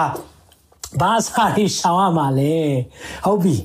ပါဇက်စာရှောင်ရမယ်ဗျာမစက်ချင်းမှာကျွန်တော်တို့ထဲတဲ့အရာတွေညာကြီးရှိတယ်ဟုတ်လားမနေ့မိုးလင်းကလေးကနော်တချို့ဆိုရင်အစားမစားရရင်တိမ်လုံးကိုအဲတောင်းချမ်းတော့တာဟုတ်လား အဲ့လိုမျိုးရှိတတ်တယ်နော်ဆိုတော့အဲ့ဒါပါလဲပါဇက်အစာမရှောင်နိုင်တာနော်ဆိုတော့ပါဇက်အစာလို့ပြောတဲ့အခါမှာကျွန်တော်တခုနားလဲစီချင်တယ်တချို့ကအတင်းပြောတဲ့အရာအဲ့ဒါရှောင်ဖို့လိုတယ်တခါလေအစားပဲမစားတာလေပါဇက်အစာကြတော့အဲ့ဒီပါဇက်အစာထဲမှာကျွန်တော်တို့သူများအကြောင်းပြောခြင်းပါတယ်နော်ဒီနေ့အတင်းပြောခြင်းကိုလေလူတတ်မှုနဲ့တူတယ်ဆိုပြီးတော့ကျမ်းစာထဲမှာအဲ့လို category ဒီရဲ့ခွဲခန့်ဒီဒီစုထားတဲ့အစုထဲမှာအဲ့လိုထည့်ထားတယ်နော် ကျွန်တော်နားလေစီချင်တယ်။ဘာကြောင့်လဲဆိုတော့သူများအကြောင်းမကောင်းပြောတာမမှန်တဲ့သက်သေခံတာအဲ့ဒါပါဇက်အစာအဲ့ဒါရှောင်ဖို့လိုတယ်။တခါလေကျွန်တော်တို့ကအစာရှောင်စုတောင်းဆိုပြီးတော့အတင်းတော်မှာစာရှောင်စုတောင်းတွေလုပ်ပြီးတော့ဘာအကြောင်းပဲပြောနေကြလဲဆိုသူများအကြောင်းပဲပြောနေတယ်။ခန္ဓာကိုယ်အတွက်အစာတော့မစားပြီမယ်။အရေးကြီးတယ်အဲ့ဒီပါဇက်အစာအဲ့ဒါမပြောလို့မရဘူးလား။အိုးပြောချင်တာရှာအရန်ရတာတွေ့တယ်။ ဒီຢာတွေရှောင်ရမယ်အဲ့ဒါပိုရေးကြီးတယ်ဒါကြောင့်မလို့အစာရှောင်ဆူတောင်းဆိုတချို့တွေကမသွားကျင်တော့ဘာကြောင့်ဆိုဆူတောင်းခံချက်တင်ပြရင်တင်ပြရင်နဲ့သူများအကြောင်းလေးပြောပြောပြီးတော့တကယ်လဲအချိန်ကြီးလိုက်တော့ဟာဆူတောင်းဖို့10မိနစ်ပဲကျန်တော့ရဟဟလားဆိုတော့ကျေးဇူးရဲ့ချိန်မှပြီးပြန်ရအောင်ဖြစ်သွားရောမိတ်ဆွေဒါလေးကိုနားလဲစေချင်တယ်ဒါကြောင့်ပါဇက်အစာရှောင်ပါပြီးရင်စိတ်အစာเนาะစိတ်အစာဆိုကျွန်တော်တို့ကတချို့တွေရုပ်ရှင်တအားကြည့်တာဒါစိတ်အစာ ရတာတွေနော်ရတာနဲ့ခံစားချက်တွေအရန်ဦးစားပေးတဲ့အရာတွေရှောင်ဖို့လိုတယ်မျက်စိစာမျက်စိစာ Facebook ပုတ်တယ်တနေ့ကုန်ပုတ်တယ်အစာရှောင်တယ်ဆိုတာအဲ့ဒါတွေရှောင်တာဒီနေ့ချို့လူတွေကလေအစာเนาะဒီရက်ဒီနေ့အစာအတော့တစ်ခုတည်းရှောင်ဖို့မဟုတ်ဘူးတခါလေအစားအတော့မရှောင်မဲနဲ့ဒီကျွန်တော်တို့ပြောတဲ့ပါဇက်အစာအတင်းပြောချင်းရှောင်တာတို့เนาะစိတ်အစာသူများ စိတ်ခံစားချက်ကိုပဲလိုက်ပြီးတော့ရှာတာတို့เนาะကိုယ့်ရဲ့စိတ်ကျဉ်းနှံ့မှုကိုရှာတာဒီရှောင်ရင်လေပိုထိရောက်တတ်တယ်ခါလေးဆိုကျွန်တော်တို့ Facebook မကြည့်တော့ဘဲနဲ့ဖျက်လိုက်ရတဲ့အချိန်တွေရှိတယ်။ဘာကြောင့်လဲ။မျက်စိစားရှောင်တာ။ဒါတွေတွေ့တဲ့အခါမှာသူများဘဝရဲ့အောင်မြင်မှုတွေเนาะကျွန်တော်တို့တွေကြည့်ပြီးတော့ခီးသွားကြပြန်ပြီဆိုတာသူတို့တွေသွားပြန်ပြီဆိုကိုယ့်ရဲ့မပြည့်စုံခြင်းကိုကိုယ်အားလုံးသိတယ်လေ။သူများကသူတို့မပြည့်စုံခြင်းကိုမသိဘူး။ သူတို့ရဲ့အကောင်းဆုံးဓာတ်ပေါ်အမလေးဆာဖီရိုက်တာတော့မှဒီဘက်အချမ်းလား ဒီဘက်အချမ်းလားဟလားရှိသေးတယ်နော်ဟာဒီဘက်အချမ်းရရင်ဟလားဒီမှာသပင်သေချာပေါ်တယ်စသဖြင့်ပေါ့နော်ဆိုတော့ဒါတွေကိုကျွန်တော်တို့ကကြည့်ပြီးတော့သေချာ edit လုပ်သေးတယ်နော်တပုံတင်ပြီးတပုံနဲ့လုပ်တာမဟုတ်ဘူးပုံနေရာလောက်နော်ကျွန်တော်မလုပ်ပါဘူးနော်ကြားဖို့တော့ပြောပြတာပါဆိုတော့ပုံနေရာလောက်ကျွန်တော်တို့တွေကအကြီးအကျယ်လုပ်ပြီးတော့ပြင်သေးတာပြင်သေးတာ filter နော်ခံအာကုန်လို့ဟလား360နဲ့ရိုက်အသားမဖြူတာဖြူအောင်လုပ်ဟလားအာမအာ watch channel တွေပြောင်းအောင်အရင်လုပ်သေးတယ်အဲ့ဒါတွေတင်ထားတာကိုသင်ကကြည့်တဲ့အခါမှာအဲကျွေးရုပ်လေးကြာနေတာပဲလှလိုက်တာငါမှာတော့ဖြစ်ဩနိုင်ရှင်ချင်းမဖြစ်သွားဘူးလားအဲကြောင့်လေလူမှုကွန်ရက်တွေတုံးတဲ့အခါမှာအများကြီးသတိထားဖို့လိုတယ်အဲ့ဒါကနေစိတ်အစာရှာရင်ရှာရင်နဲ့စိတ်ကြကြလာတယ်ဘာကြောင့်လဲသင်ဝိညာဉ်ကလေအစာမစားတော့သင်ဝိညာဉ်လူကတဖြည်းဖြည်းတချစ်တရက်ပတရက်ချီနေလာတယ်သင်အစားတောက်နေပဲအချင်းကုန်တယ် Facebook နဲ့ပဲချိန်ကုန်တယ် YouTube နဲ့ပဲချိန်ကုန်တယ်သဘောပေါက်လိုက်သင်ဝိညာဉ်လိုအရန်ပိန်နေပြီဒီနေ့ဒီနှုတ်ပတ်တော်ဖခင်ကလေသင်ကိုကြားစေချင်တာသင်ဝိညာဉ်လိုသိချင်လို့ဖြစ်တယ်သင်ဝိညာဉ်လိုပြန်ကူမခြင်းလို့ဖြစ်တယ်ဒါကြောင့်မလို့သင်ထပါအာမင်သင်ထမဲ့ခြင်းဖြစ်တယ်သင်ဝိညာဉ်လူဒီနေ့မှာယေရှုနာမ၌အားလုံးကိုပြောတယ် သင်ဝိညာဉ်လူထားရမယ့်ခြင်းဖြစ်တယ်။သင်အတွင်းလူခိုင်ခန့်မှုတည်ဆောက်ရမယ့်ခြင်းဖြစ်တယ်။ဒါကြောင့်ဝိညာဉ်စာကိုစားရအောင်။အာမင်။မျက်စိစာ၊စိတ်စာ၊ပါးစပ်စာ၊နားစာသူများကြောင့်ရမ်းကြားခြင်းတယ်။မပြောရင်ဖုန်းဆက်ပြီးကိုမေးတော့တာသူတို့ဘာပြောလဲ။သူတို့ဘာပြောလဲ။အယမ်းသိချင်တာ။ဒီနေ့ဖះဘာပြောလဲကိုမသိချင်ဘူးလား။ဖះဘာပြောလဲသိချင်လား။ဒီတအုပ်လုံးဖះဘာပြောထားလဲဆိုတာသိလို့ရတယ်။မိတ်ဆွေဒါကိုနားလဲစေချင်တယ်အာမင်။ဒါကြောင့်ကျွန်တော်တို့ဒီနေ့မှာဖះကတင့်ကိုဒီအရာကိုကြည့်စေချင်တယ်။ လူရောက်965ယောက်ကျွန်တော်အတန်ကြားရဲဆိုရင်တင်းရဲ့အတွင်းလူကိုဖျားခိုင်ခန့်စေခြင်းလေဆိုတာဒီနေ့ပြောပြခြင်းလေတင်းအတွင်းလူခိုင်ခန့်မှုကဝိညာဉ်တော်အားဖြင့်လို့ပြောတယ်ဝိညာဉ်စာပဲစားရတယ်ဒါကြောင့်မလို့ဘာအစာတွေရှောင်မလဲပါဇက်စာစိတ်စာမျက်စိစာနားစာအဲ့ဒါတွေကိုရှောင်ရအောင်အာမင်ဆက်ကြည့်အောင် အကြောင်းမလို့ဒီနေ့မှာကျွန်တော်အစာရှောင်ခြင်းရည်ရွယ်ချက်၈ခုကိုပြောပြခြင်းတယ်အဆင်ပြေမလားအစာရှောင်ခြင်းရည်ရွယ်ချက်၈ခုခုနကကျွန်တော်အစာရှောင်ခြင်းနဲ့ပတ်သက်ပြီးတော့ပြောတယ်ဆိုတော့ကျမ်းစာထဲမှာကျွန်တော်ကြည့်ရအောင်เนาะ၈ခုတည်းမကအများကြီးရှိပါတယ်ဒါပေမဲ့ဒီ၈ခုကကျွန်တော်တို့အတွက်လုံလောက်ပြီးတော့ပို့ပြီးတော့ဒါတွေကိုလူတွေသိလွယ်တဲ့အချက်တွေဖြစ်တယ်။ဒါကြောင့်မလို့ကျွန်တော်ဘာကြောင့်စာရှောင်လဲဆိုတာကိုပြောပြချင်တယ်။နော်ဆိုတော့စာရှောင်ခြင်းရည်ရွယ်ချက်၈ခုမှာနံပါတ်၁ချက်ကဘာလဲဆိုရင်တော့ ဆိုတော့သခင်ယေရှုရဲ့အစာရှောင်ခြင်းအကြောင်းကိုတွေ့ရနံပါတ်1အချက်ကဘာလဲသိလားအမှုတော်လုပ်ငန်းအောင်မြင်ဖို့အစာရှောင်ဖို့လိုတယ်ဒီနေ့ကျွန်တော်ကိုကြည်နေတဲ့တရားဟောဆရာများအမှုတော်ဆောင်များအထူးပဲပြောပြခြင်းတယ်သင်အစာရှောင်ဖို့လိုတယ်ဘာကြောင့်လဲသခင်ကိုယ်တိုင်ရှောင်ခဲ့တာသခင်ယေရှုတော်မှာဘာနမိတ်လက္ခဏာတစ်ခုမှမလုပ်ခင်မှာအစာရှောင်တယ်နမိတ်လက္ခဏာတစ်ခုမှမဖြစ်သေးဘူးလူသေးရှင်တာမဖြစ်သေးဘူးရေကနေဝိုင်ဖြစ်တာမဖြစ်သေးဘူး မျက်စိကန်းတဲ့သူမမြင်သေးဘူးနားပင်းတဲ့လူနားပြန်ကောင်းသွားတာနူနာတွေတန့်ရှင်းသွားတာလုံးဝမဖြစ်ခင်မှာဘာအရင်ဆုံးဖြစ်လဲသိလားမိတ်ဆွေအစာရင်ရှောင်တယ်ဒါကြောင့်တင်းရဲ့သာသနာလုပ်ငန်းတင်းမှုတော်လုပ်ငန်းအောင်မြင်ခြင်းလေအစာရှောင်ပါဒီလိုပြောလို့တချို့ယုံကြည်သူတွေကအာကျွန်တော်တို့အမှုတော်ဆောင်မမဟုတ်တာလို့ပြောရင်တင်းဟာလည်းအမှုတော်ဆောင်ဖြစ်တယ်လူတိုင်းဟာအမှုတော်ဆောင်တခုခုတော့ဖခင်အမှုပေးထားတယ်အဲ့ဒီအမှုကိုဆောင်ရွက်နေသောသူတွေကြီးပဲတချို့တွေ သားသမီးတွေကိုထိန်းသိမ်းရတယ်အဲ့ဒီအမှုတော်မြတ်အောင်မြင်ဖို့သင်စာရှောင်ဖို့လိုတယ်တချို့တွေအိမ်ထောင်မှာဦးစီးရတယ်သင်အဲ့ဒီအရာစီးပွားရေးလုပ်ငန်းဒါဖျားပေးတဲ့အမှုတော်မြတ်ပဲဒီအရာကိုသင်လှုပ်ဆောင်ခြင်းနဲ့ဘာလုပ်ရမလဲအောင်မြင်ခြင်းလေအစာရှောင်ပါ ဒါသိရေးကြီးတယ်နော်ဒါကြောင့်မလို့သခင်ယေရှုရဲ့အစာရှောင်ခြင်းကျွန်တော်ဗာတွေ့ရလဲဆိုတော့မာသဲလေးထဲမှာဗာပြောလဲဆိုတော့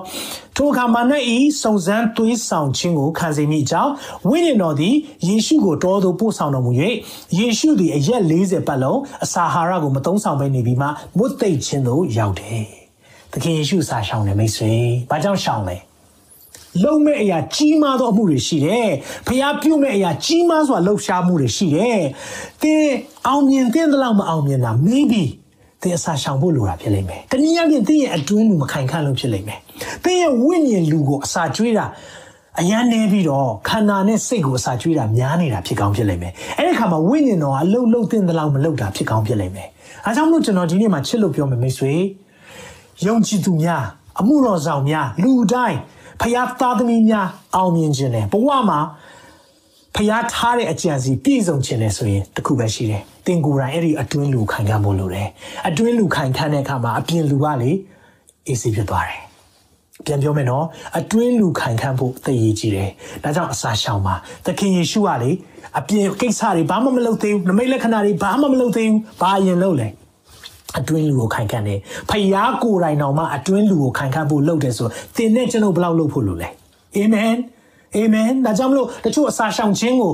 ဟာဒါကအစာရှောင်ခြင်းကဓမ္မဟောင်းကိစ္စပါလားအမျိုးမျိုးကြောင်းပြတယ်တကယ်တော့ကာမဂုဏ်မချုပ်တီးနိုင်တာကျွန်တော်တို့ကစားကျင်တာဒါမှကျွန်တော်ပြပြမယ်သခင်ယေရှုကိုယ်တိုင်စာရှောင်တယ်ဆိုသင်နဲ့ကျွန်တော်ဘာမှငြင်းစရာမရှိဘူးဘာလို့လဲဝိညာဉ်တော်ကကျွန်တော်တို့ကိုလေကိုရောနီးသူကိုရောကဲသူဖြစ်စေချင်တာ ဒါဆိုရင်ကျွန်တော်နားလဲရအောင်ဖခင်ကကျွန်တော်တို့ကိုအစာရှောင်စေခြင်းနဲ့ဆိုတာသိစေခြင်းနဲ့အဲ့လိုရှောင်စေခြင်းတာဘာကြောင့်သိလဲသူကိုယ်တိုင်ရှောင်ပြတယ်အာမင်ရက်40တောင်ရှောင်ပြတယ်လူအနေနဲ့သူကရှောင်ပြတာသူကဖခင်တရားလူတရားဒါပေမဲ့နားလဲပါအကျင့်နော်ကိုတရက်ရှောင်တာ3ရက်ရှောင်တာ9ရက်ရှောင်တာ21ရက်ရှောင်တာဒါမျိုးနဲ့ အဆင့်ဆင့်သွားရတယ်အဲ့ဒါမဟုတ်ဘဲနဲ့ယေရှုလက်လေးတဲ့ဆောင်ရက်40ရှောင်တယ်ကျမလည်းရှောင်မယ်ရက်40ရှောင်ပြီးတည်သွားတဲ့လူလည်းအများကြီးကျွန်တော်ကြားဘူးတယ်အဲ့လိုမျိုးတွေဖြစ်တဲ့အခါမှာကျွန်တော်ကတော့ဒီလိုမျိုးပဲမြင်တယ်ငါလူတို့ဒီပညာနည်းသောကြောင့်ပျက်စီးတယ်လို့ပဲမြင်တယ်ဘာလို့လဲဆိုတော့အစာရှောင်ခြင်းမှာလည်းသူနည်းရမှာရှိတယ်သူလှုပ်ပုံတွေရှိတယ်ဒါကြောင့်မလို့ဒီနေ့မှာကျွန်တော်တို့ကအစာရှောင်ခြင်းရဲ့အခြေခံကြောင်းပြောမယ်နောက်ရက်ဒီမှာလှုပ်ဆောင်မှုတွေဘယ်လိုလုပ်လို့ရလဲကျန်းစာထဲမှာ ပါတဲ့အစာရှောင်ခြင်းတွေကဘာတွေလဲဘသူကဘလို့ရှောင်လဲစသဖြင့်ဒါတွေကိုအသေးစိတ်လေ့လာသွားမယ်စင်ပြေမလားဒါကြောင့်မလို့ဒီနေ့မှာသခင်ယေရှုတော်စာရှောင်နေဆိုရင်သင်နဲ့ကျွန်တော်ဘယ်လောက်ထိရှောင်ဖို့လို့လဲအာမင်ဒါကိုလည်းသိစေချင်ပါတယ်ဟုတ်ပြီနော်ဒါဆိုဆက်ကြည့်အောင်ကျွန်တော်တို့နံပါတ်1ချက်သာရဖျားဤလမ်းပြခြင်းကိုရှာဖွေရန်တဲ့ဖျားလမ်းပြခြင်းကိုသိခြင်းတယ်လမ်းပြောင်းနေလားအစာရှောင်ပါ ပြန်ပြောမယ်နော်လမ်းပြောင်းနေလားအစာရှောင်ပါရှေ့ဘာလုပ်လို့ဘာကံရမှမသိဘူးလားအစာရှောင်ပါဘဝမှာဆရာကြီးဘာလုပ်ဖို့မသိဘူးစီးပွားရေးလုပ်ရမလားမသိဘူးအစာရှောင်ပါဘာကြောင့်လဲဖျားနဲ့အချိန်ယူပြီးတော့အဲ့ဒီဝိညာဉ်အတွင်းလူကိုခိုင်ခန့်စေရင်လေအတွင်းလူကဘာလုပ်ရမလဲဆိုတာ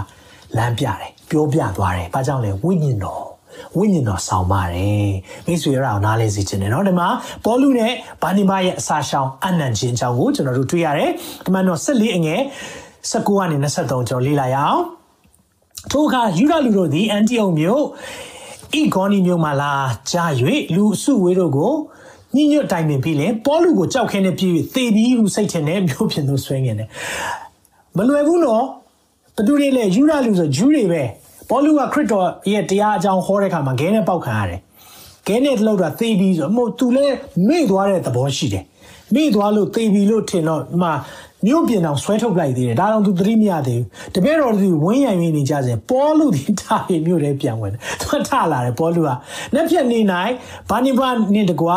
ဒီရပီမြို့တို့ထွက်တာခကြီးတောင်သွားလိုက်သေးတယ်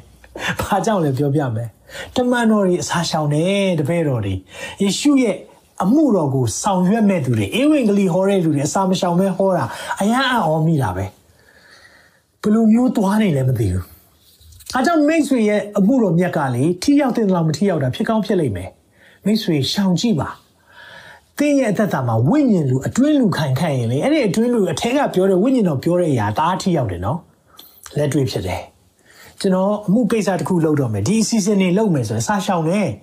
မရှောင်လို့မရဘူးဘာလို့လဲ ဒါဝိညာဉ်ကိစ္စဖြစ်တယ်ငါတို့ဒီအသွေးသားရှိသောရန်သူတို့နဲ့စိုက်ပြန်တိုက်လည်ရကြသည်မဟုတ်အထုမြတ်တို့နဲ့၎င်းအာနာဇက်တို့နဲ့၎င်းလောကီမောင်မိုင်း၌အစိုးတရားပြုလို့သောမင်းတို့နဲ့၎င်းမိုးကောင်းကင်တို့ညီသောနတ်ဆုတို့နဲ့၎င်းစိုက်ပြန်တိုက်လည်ရကြ၏အေဘက်6ထဲမှာရှိတယ်ကျွန်တော်တို့ရန်သူရှိနေတာဒါကြောင့်မလို့ကျွန်တော်တို့ခွန်အားနဲ့ဘယ်လုံနိုင်ပါလဲအတွင်းလူခိုင်ခန့်ဖို့လိုတယ်ဒါကြောင့်မလို့သာရဖျားရဲ့လူတွေကြည်လိုက်ပါနော်တမန်တော်တွေတပည့်တော်တွေဘာလုပ်ကြလဲခီးတောင်ထက်သွားလိုက်သေးတယ် ကဲ27မှာကြည့်အောင်ထုံမျိုးနဲ့ဧဝံဂေလိတရားဟောပြော၍လူများတို့ကိုတပည့်တော်တပည့်တော်ဖြစ်စေပြီးမှလောဒရမျိုးဤဂေါနာမျိုးအန်တီယိုမျိုးတို့ကိုအစင်တိုင်းလှည့်လည်ပြီးပြန်ကြိုက်အမက်ဆက်သွားလိုက်တဲ့ခီးစရာရှိတယ်ထို့ထို့ပြန်ကြစေတပည့်တော်တို့၏စိတ်လုံးကိုမြဲမြံခိုင်ခန့်စေသဖြင့်ယုံကြည်ခြင်း၌တည်ကြည်မိကြောင်းနှိုးဆော်ချီပင်၍ငါတို့သည်များပြားသောဆင်းရဲဒုက္ခကိုခံ၍ဘုရားသခင်နိုင်ငံတော်ကိုဝင်ရကြမည်ဟောပြောတယ်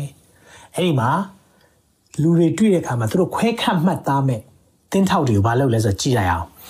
အသင်းတော်များလို့နိုင်သင်းအုပ်တို့ကိုခံထားရဲသင်းတော်ကိုအုပ်တယ်ဆိုတာเนาะအဲ့ဒီဟာကိုကျွန်တော်တို့က deacons အာသင်းထောက်တယ်เนาะသင်းဒီမှာတော့သင်းအုပ်လို့ပြောထားတယ်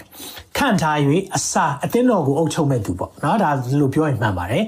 အစာရှောင်လဲဆုတောင်းတာပြုပေးလေတဲ့အဲ့လိုခံတဲ့အခါမှာတဲ့အစာရှောင်လျက်ဆုတောင်းပတနာပြုတယ်အစာရှောင်ခြင်းနဲ့ဆုတောင်းပတနာပြုခြင်းအမြဲတွေ့တတ်တယ် ဒီမှာလဲတွေ့ရတယ်အစာရှောင်ရဲ့ဆုတောင်းဖရာပြုပြီးလဲသင်းဝင်သူတို့ယုံကြည်သောဘုရားသခင်လက်တော်သို့ထိုအသင်းတော်တို့ကိုအနံ့ကြ၏အာမင်အထိုအသင်းတော်တွေနဲ့အနံ့နေတဲ့ဆိုတော့အသင်းတော်ကိုအနံ့မဲ့ခွဲခတ်မှတ်သားဖို့လုပ်တဲ့အခါမှာအစာရှောင်ပါတယ်ဒါကြောင့်မလို့လူတွေခန့်တော့မယ်ဆိုရင်လေသူတို့ပတ်စံရှိတာကိုမကြည့်နဲ့သူတို့အရေးချင်းရှိတာကိုမကြည့်နဲ့ဖျားခွဲခတ်မှတ်သားစီလားဆိုတော့ကြည့်ဖို့လိုတယ် တချို့လည်းအဲ့လိုမခဲခွဲခတ်မှတ်သားတဲ့အခါမှာမကြိုက်တာရှိမှာပေါ့ထွက်သွားတာရှိမှာပေါ့ဒါပေမဲ့ဖះကလေနားလဲစီချင်တာနှုတ်ပတ်တော်ထဲမှာကျွန်တော်တို့ဘာလုပ်တင်တယ်လဲဆိုတာလှုပ်ဝက်ချက်တွေအများကြီးရှိတယ်အဲ့ဒီထဲမှာလှုပ်ဝက်လက်နဲ့စာရှောင်ဆူတောင်းတယ်ပြီးကြမှာခွဲခန့်တာဘာကြောင့်လဲနံပါတ်1ချက်အဲ့ဒီမှာခေါင်းစဉ်မှာပြောထားတယ်သာရဖះရဲ့လမ်းပြခြင်းကိုရှာဖွေဖို့ဖះလမ်းပြတာကိုကျွန်တော်သိဖို့လိုတယ်ဒါကိုကျွန်တော်တို့နားလည်ဖို့လိုတယ်အာမင်အဆင်ပြေမလားဟုတ်ပြီနံပါတ်3ချက်သွားကြည့်အောင် ဝမ်းနဲ့ကြည်ကွဲခြင်းကိုဖော်ပြတယ်အစာရှောင်ခြင်းကကျွန်တော်ဝမ်းနဲ့တယ်ဝမ်းနဲ့ကြည်ကွဲတဲ့အချိန်မှာလည်းအဲ့ဒါကိုဖော်ပြခြင်းဖြစ်တယ်ဆိုတာကိုနေဟမိမတ်စာအငယ်1နဲ့3အငယ်1အခန်းကြီး1အငယ်3နဲ့4မှာပြောပြထားတယ်ဒီမှာဆိုရင်ကြည့်တဲ့အခါမှာနေနေနေဟမိကဘာကြောင့်ဝမ်းနေတယ်လဲကျွန်တော်ပြောပြမယ်နော်ဒီမှာဖတ်ကြည့်အောင်သူတို့ဒီတိမ့်သွားခြင်းကိုခံရတော့လူစုထဲကလွတ်၍ထိုပီ၌နေတော့သူတို့ဒီကြီးစွာသောဆင်းရဲခြင်းကဲ့ရဲ့ခြင်းကိုခံရကြ၏ ဟုတ်ပြီယေရုရှလင်မြို့ရိုးသည်ဘာကြောင့်ငိုလဲဆိုတာဒီမှာပြောပြထားတယ်ပြိုပြက်လျက်မြို့တကားလည်းမီးလောင်၍ကုန်ပြီဟုပြန်ပြောကြ၏ထိုစကားကိုကြားလေအဲ့ဒီအချိန်မှာသူတို့ကအိဆောင်းနော်တနေချားရောက်နေတဲ့အချိန်ဖမ်းဆီးခေါ်ဆောင်ခံရတဲ့အချိန်မှာဘာဘူးလုံး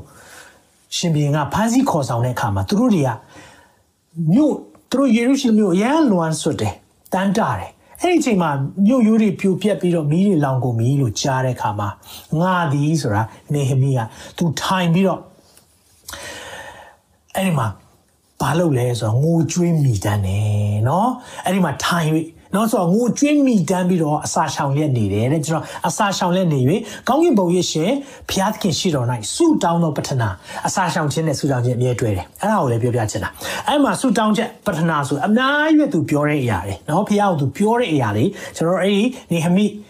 အတစ်ကိုဖတ်ကြည့်လိုက်ရင်တွေ့ပါလိမ့်မယ်เนาะကျွန်တော်တို့ဒီနေ့အစာရှောင်ခြင်းအကြောင်းအဓိကပြောတာဖြစ်တဲ့အတွက်ကျွန်တော်ဒီအရာလေးကိုမထည့်ထားတာဖြစ်တယ်ဒါကြောင့်ကျွန်တော်နားလေစေခြင်းတယ်ဝမ်းနေကြည်ကွဲတယ်အဓိကဘာဝမ်းနေတာလဲ ဖယားရဲ့အိမ်တော်ဖယားရဲ့မြို့တော် the city of peace ဒါမရှိတော့ဘူးဖယားရဲ့နေရာ ဖြည့်ဆည်းခံရတဲ့အခါမှာဖယားလူကဝမ်းနေတယ် သင်အဲ့လိုဝမ်းနေတဲ့ခါမှာလေဖះကလေပြန်လေတိဆောက်ခွင့်ပေးတယ်နော်ဖះအိမ်တော်အတွက်ဝမ်းနေကြေကွဲပြီးအစာရှောင်နေသူဖះကအိမ်တော်ပြန်တိဆောက်ခွင့်ပေးတယ်ဟာလေလုယာဒါကိုနားလည်ရအောင်လူတွေအများကြီးရှိတာပဲဘာဘလုန်ဖန်စီခေါ်ဆောင်ခံရတဲ့လူတွေအများကြီးရှိတာပဲအဲ့ဒီထဲမှာဘသူတွေကပြန်ပြီးမြို့ရိုးတိဆောက်ခွင့်ရလဲဖျားမြို့ယူဖျားအိမ်တော်အတွက် ကြည်ကွဲတော်သူဘလို့ပဲကြည်ကွဲတာလဲဝမ်းနေကြည်ကွဲတာကိုဒီတိုင်းပဲအာဝမ်းနေလိုက်တာအစားမစားနိုင်ဘူးလို့မဟုတ်ဘူးတော့အစားရှောင်နေဆူတောင်းတယ်အစားတော့မစားနိုင်တာဖြစ်ကောင်းဖြစ်မယ်ဒါပေမဲ့အဲ့ဒီမှာမပြီးသွားပဲနဲ့အစားရှောင်ဆူတောင်းတယ်အာမင်ဒီရဲ့အချက်ကိုနားလည်စေခြင်းတယ်เนาะဒါကြောင့်နံပါတ်၄ချက်ကိုတွားကြည့်အောင်အဲ့ဒီမှာကာကွယ်ခြင်းနဲ့လွတ်မြောက်ခြင်းရရှိဖို့ ရှာဖွေတာဖြစ်တယ်။အစာရှောင်ခြင်းเนาะဒါကြောင့်အစာရှောင်ခြင်းကဘာကိုလဲပြောလဲဆိုတော့သင်ကာကွယ်ခြင်းနဲ့လွတ်မြောက်ခြင်းเนาะဆိုတော့ဣသရေလမတ်စာထဲမှာလည်းဖော်ပြထားတယ်အခန်းကြီး၈အငယ်21ကနေ23ထိုအခါဥစ္စာများမှစ၍တငယ်များနဲ့တကွာသင်တို့သွားเสียမှန်သောလမ်းကိုဖျားသခင်၌ရှာ၍ရှေ့တော်မှာလုံခြုံစွာကျင့်ခြင်းက အာဟာဝမျက်နာတွင်အစာရှောင်ရာအချိန်ကိုငါကြီးညာ၏အစာရှောင်ရာအချိန်ကြီးညာတယ်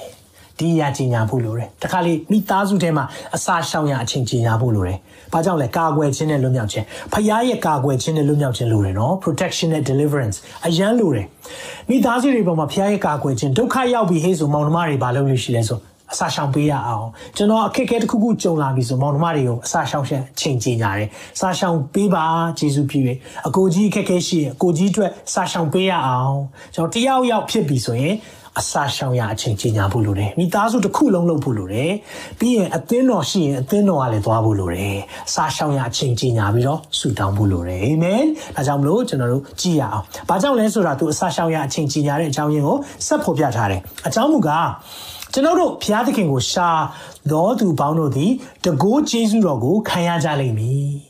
ကိုတော်ကိုစွန့်တော်သူပေါင်းတို့ကိုတကိုးတော်စီးတား၍အမျက်တော်တက်ရောက်လိမ့်မည်ဟုငါတို့သည်ရှင်ပြေအားရှောက်ထားသောကြောင့်เนาะဆိုတော့အဲ့ဒီမှာလမ်းမှာရန်သူနဲ့လွတ်စေခြင်းကလိုက်ဖို့သောစစ်သည်ရဲ့မြင်းသည်ရဲ့ မြင်းစည်းသူရဲ့တတက်ကိုရှင်ပြေ၌မတောင်းဝင်ရှက်ကြ၏ထိုမှုကြောင့်ငါတို့သည်အစာရှောင်၍ငါတို့ဘုရားသခင်ကိုဆုတောင်းနေကြ၏ဘုရားသခင်လည်းနားထောင်တယ်ကိုကသူတို့တွေအဲ့ဒီမှာနော်ဘာကြောင့်အစာရှောင်လဲဆိုတော့ရှင်ပြေကသူတို့ကိုတွားစီရလမ်းမှာဥစ္စာတွေပို့ပေးတယ်မြို့ရိုးပြန်တီဆောက်မဲ့သူတွေကိုတွားကြည့်ခိုင်းတယ်အဲ့ဒီလမ်းမှာဓမြတိုက်ခံရမှာပေါ့ပစ္စည်းဥစ္စာတွေအများကြီးပါသွားတဲ့အခါမှာဘာအတွက်ဆူတောင်းဖို့လို့လဲကာကွယ်ခြင်းနဲ့ လွတ်မြောက်ခြင်းအာမင်မိတ်ဆွေဘဝမှာရန်သူစာတန်ကတင်ကောင်းကြီးရပြီဆိုရင်လည်းတိုက်ခိုက်ခြင်းတယ်ကောင်းကြီးမရအောင်လဲလုပ်တယ်လို့တင်ကောင်းကြီးရသွားတယ်ဆိုရင်လည်းအဲ့ဒါကိုလူယူဖြစ်စေခြင်းတယ်ဘာကြောင့်လဲတခိုးဒီခိုးခြင်းတတ်ခြင်းဖြစ်စေခြင်းကလာ၏အဲ့တခိုးကစာတန်ပဲမာနကတင့်ကိုချောင်းနေတယ်အမြဲတမ်းတင့်ကိုချမှာပဲအဲ့လိုချမယ်လုပ်တဲ့ချိန်မှာတင်တစ်ခုနားလဲပါဘာလုပ်ရလဲစာရှောင်ဆူတောင်းရတယ် အာဖျားလူတွေလှုပ်သွားတာကျွန်တော်တို့ဓမ္မဟောင်းဖတ်တဲ့အခါမှာဩသူတို့အစာရှောင်ပြန်ပြီးမျိုးရိုးပြန်တိဆောက်ပြန်ပြီးပစ္စည်းတွေသွားတည်သွားပြန်ပြီးဥစ္စာတွေကိုသွားပို့တယ်ရိတ်ခါတွေသွားပို့တယ်ဒါနဲ့ပဲမပြီးနဲ့ဘာကြောင့်ဒီလိုလှုပ်တာလဲဆိုတာကျွန်တော်နားလည်ဖို့လိုတယ်လှုပ်ဝက်ချက်ကပါလေကာကွယ်ခြင်းနဲ့လူမြောက်ခြင်းရရှိဖို့သင်အားလုံးအလုပ်ပြုတ်တော့မယ်အလုပ်ကခါနေပြီသင်ဒီအလုပ်ရှိမှရမယ်ဆူတောင်းပါစာရှောင်ဆူတောင်းပါ ဖခင်ကကာကွယ်ပေးလိမ့်မယ်အာမင်ကာကွယ်မပေးဘူးဆိုရင်တော့မှလွတ်မြောက်ရာလမ်းပေးလိမ့်မယ်ဒီထက်ကောင်းတဲ့အရာဒါဒါမှမဟုတ်ဒီထက်မညံ့တဲ့အရာဖခင်အဲ့လိုလုပ်ပေးလို့ရှိတယ်ဘာဘာပဲလို့လဲသင်ဘက်ကအဲ့ဒီအတွင်းလူခိုင်ခံဖို့အာမင်ဒါကြောင့်မလို့ခန္ဓာအစားအစာလျှော့တာစိတ်အစားအစာလုံးဝမစားတော့ခန္ဓာအစားအစာမစားဘဲနဲ့ဝိညာဉ်အစာစားသုံးမဲ့ခြင်းဖြစ်တယ်ဟာလေလုယာဒါကြောင့်မလို့ဝိညာဉ်စာသင်စားသုံးနေတာ အယံဝမ်းသာတယ်ဒီနေ့မှလည်းကျွန်တော်တို့ ਨੇ ကြည့်ရှုနေလို့ဝမ်းသာတယ်เนาะဆိုတော့ကျွန်တော်တို့လေးချက်လုံးမှတ်မိမယ်ထင်ပါတယ်เนาะအချက်၅ကိုသွားရအောင်ဟုတ်ပြီကျွန်တော်တို့ဒီအကြောင်းလဲကျွန်တော်တို့အယံသိတယ်အနောင်တရခြင်းကိုဖော်ပြခြင်းဖြစ်တယ်အာမင်ဆိုတော့ကျွန်တော်တို့အစာရှောင်ခြင်းဆိုတာနောင်တရတာကိုဖော်ပြတယ်ဘာကြောင့်အစာရှောင်လဲနောင်တရတာကိုဖော်ပြတယ်နာမည်ကြီးတဲ့ကျွန်တော်တို့အားလုံးနှီးပါသိတဲ့အာ ယောနာအကြောင်းပြောပြပါမယ်เนาะတချို့လဲ Sunday School နဲ့မကြီးတဲ့သူရှိမယ်ဒါမှမဟုတ်အခုမှပဲကျွန်တော်တို့သိဖြစ်တဲ့လူတွေရှိရဆိုရင်လည်းယောနာအကြောင်းနိနဝေမြို့အကြောင်းပြောပြခြင်းတယ်ဆိုတော့နိနဝေမြို့ဆိုတာเนาะအယံကိုဖျားရှိမှာအယံကိုပျက်စီးနေတဲ့မြို့သူတို့ရဲ့လောက်ရက်ဒူးစရိုက်အပြစ်တွေပေါ့နော်သူတို့လှုပ်ဆောင်မှုတွေတိတ်ပြီးတော့များပြားတဲ့ခါမှာဖျားရှိမှာဖျားကစီရင်ဖို့အထိဆုံးဖြတ်တယ်အဲ့ဒီမှာ ယောနာဆိုတဲ့ prophet ကိုသွားခိုင်းတယ်ဖြစ်ချင်တော့ तू ကသွားမဲ့လမ်းကြောင်းမသွားဘဲနဲ့ different direction เนาะ opposite တခြားဘက်ကိုမိုင်ပေါင်း2000ကျော် तू သွားလိုက်တာအဲ့လိုသွားလိုက်တဲ့အခါမှာဖခင်ကနောက်ဆုံးသူ့ကိုပြန်ပို့ပေးတယ်เนาะဆိုတော့တင်မောပြတ်သွားတယ်တင်မောပြတ်တဲ့ချိန်မှာဘသူကြောင့်ဖြစ်လဲဆိုတော့သူ့ကြောင့်ဖြစ်တယ်ဆိုတော့သူဝင်ခံတဲ့အခါမှာသူ့ကိုပင်လယ်ထဲချတယ်ငါးကြီးကမြုံလိုက်တယ်အဲ့ငါးကဖြစ်ချင်တော့အဲ့ဒီကမ်းပေါ်မှာ သွားပြီးတော့အန်ချပေးတဲ့ခါမှာ तू ကနိနဝေမြို့သားတွေကိုသွားပြောတဲ့ဟာလေးဖတ်ကြည့်အောင်ယောနာဝတ္ထုအခန်းကြီး3အငယ်9ကနေ10နိနဝေမြို့သားတို့သည်ဖျားသခင်အမိန့်တော်ကိုယုံ၍လူကြီးလူငယ်အပေါင်းတို့သည်အစာရှောင်ရခြင်းကိုကြော်ညာ၍ရှော့တီဝစ်ကိုဝတ်ကြ၏နိနဝေမင်းကြီးသည်ထိုသတင်းကိုကြားသောအခါနန်းတော်မှဆင်း၍မင်းမြောက်တစားကိုချွတ်ပြီးမှရှော့တီဝစ်ကိုဝေ၍ပြာတဲ့တို့ထိုင်တော်မူ၏ အဲ့ဒါလေးကိုခဏပြောပြချင်တယ်အစာရှောင်ရအချင်းကိုကြီးညာတယ်ခုနကျွန်တော်ပြောတဲ့ဒုက္ခရောက်ပြီဟေးဖခင်ရဲ့ကွယ်ကာချင်းလိုပြီဟေးဆိုရင်အစာရှောင်ရအချင်းကိုကြီးညာတယ်လို့ကျွန်တော်ခုနကတော့သင်ကြားခဲ့တယ်တကယ်ပဲဒီမှာလဲကြည့်တဲ့အခါမှာအစာရှောင်ရအချင်းကိုကြီးညာပြီးတော့ shorty wit wit တယ်ဆိုတာနှိမ့်ချခြင်းကိုပြတာ ဆိုတော့အစာရှောင်ခြင်းမှာအမြင်နှိမ်ချခြင်းပါတယ်အစာရှောင်ခြင်းဆိုတာကိုယ့်ရဲ့လှုပ်ဆောင်နိုင်မှုမဟုတ်တော့ဘဲနဲ့ဖခင်ရဲ့မဆာခြင်းလမ်းပြခြင်းလိုအပ်တယ်ဆိုတဲ့အရာကိုသိရှိဖို့ဖြစ်တယ်အာမင်ဒါကြောင့်အစာရှောင်တာတခုကကျွန်တော်တို့ကအစာမစားတာပဲမဟုတ်ဘဲနဲ့အဲ့ဒီမှာအတိတ်ပဲအများကြီးရှိတယ်တစ်ချက်ကနှိမ်ချခြင်းကိုပြတယ်ဒါကြောင့် shorty အဝတ်ဝတ်တယ်ဆိုတာဂုံကြီးအိတ်ဆွတ်လိုက်တာเนาะဆိုတော့ဂုံကြီး ဂုံကြီးအဲ့လိုမျိုးဟာဘယ်သူကဝစ်မှာလဲเนาะခန္ဓာကိုယ်ပွန်းရှမှာပေါ့ကြီးလို့လည်းမကောင်းလေလှမမလှတာဒါပေမဲ့အဲ့ဒါက shorty ဝစ်ဝစ်တယ်ဆိုတာသူတို့စပင်းနေလည်းမရှိတော့ဘူးလုံးဝဒီတိုင်းထားပြီးတော့နေတဲ့ခါမှာဘာကိုပြလဲဆိုတော့ serious ဖြစ်ကြောင်းပြတယ်ဒီနေ့နောင်တရတယ်အပြစ်ဝင်ချခြင်းနဲ့ serious ဖြစ်တယ်ဆိုရင်အစာရှောင်တယ်အဲ့လိုအစာရှောင်တဲ့ခါမှာ ဘယ်လောက်ထိရှောင်လဲဆိုတော့ shorty အဝတ်ကိုဝတ်ပြီးတော့ပြာထဲမှာတောင်ထိုင်တယ်တဲ့နော်ပြာပုံပေါ်မှာတောင်ထိုင်တယ်ဒါတကယ်အစာရှောင်ခြင်းဖြစ်ချင်တော့ဒီနိနဝေမင်းကြီးဆိုတာလေပြောမယ်ဆိုရင်တကယ်ကိုပြောမယ်ဆိုရင်ဖရာတရားသိတဲ့လူမဟုတ်ဘူးနော်သိဆိုးတဲ့မင်းဒါပေမဲ့ဖရာကအဲ့မျိုးကိုဖျက်ဆီးမယ်ဆိုတော့ warning ကြောက်တာဖျက်ဆီးခါမှာစိုးရိမ်တာအဲ့လိုဖြစ်တဲ့အခါမှာနောင်တရတယ်သူနောင်တရကြအောင်ဘယ်လိုဖော်ပြလဲ အစာရှောင်တယ်မိတ်ဆွေဖျားထဲမှာပြန်လှည့်လာခြင်းကိုနောင်တရတယ်ဆိုရင်လေအစာရှောင်မှုလို့တယ်အဲ့လိုအစာရှောင်ဆုတောင်းတဲ့အခါမှာဘာပြောလဲဆိုတော့ तू ကဘယ်လိုတောင်အစာရှောင်ရအချင်းကြီးညာလိုက်လဲသလားလူတတ်တော်သရိတ်ဆန်သိုးနွားတို့သည်အလင်းမမြည်စေနဲ့အတန်လည်းမထွက်ကြနဲ့ အစာကိုမစားရေကိုမတောက်စေနဲ့လူအစာလည်းမစားဘူးရေတောင်မတိုက်ဘူးเนาะလူသက်လူသက်တော်သရိတ်ဆန်တို့ဒီ short ဝစ်ကိုဝစ်ကြစေအားလုံးကိုဝစ်ခိုင်းတာเนาะလူတွေရောသရိတ်ဆန်တွေရောတနိုင်ငံလုံးတိုင်းပြည်လုံးစ조사၍ဖျားသခင်ကိုဆုတောင်းကြစေဖျားစီမှာဆုတောင်းပါအသီးသီးတို့သည်မိမိတို့လိုက်သောအဓမ္မလံမိမိတို့ပြုသောအဓမ္မအမှုကိုရှောင်ကြစေ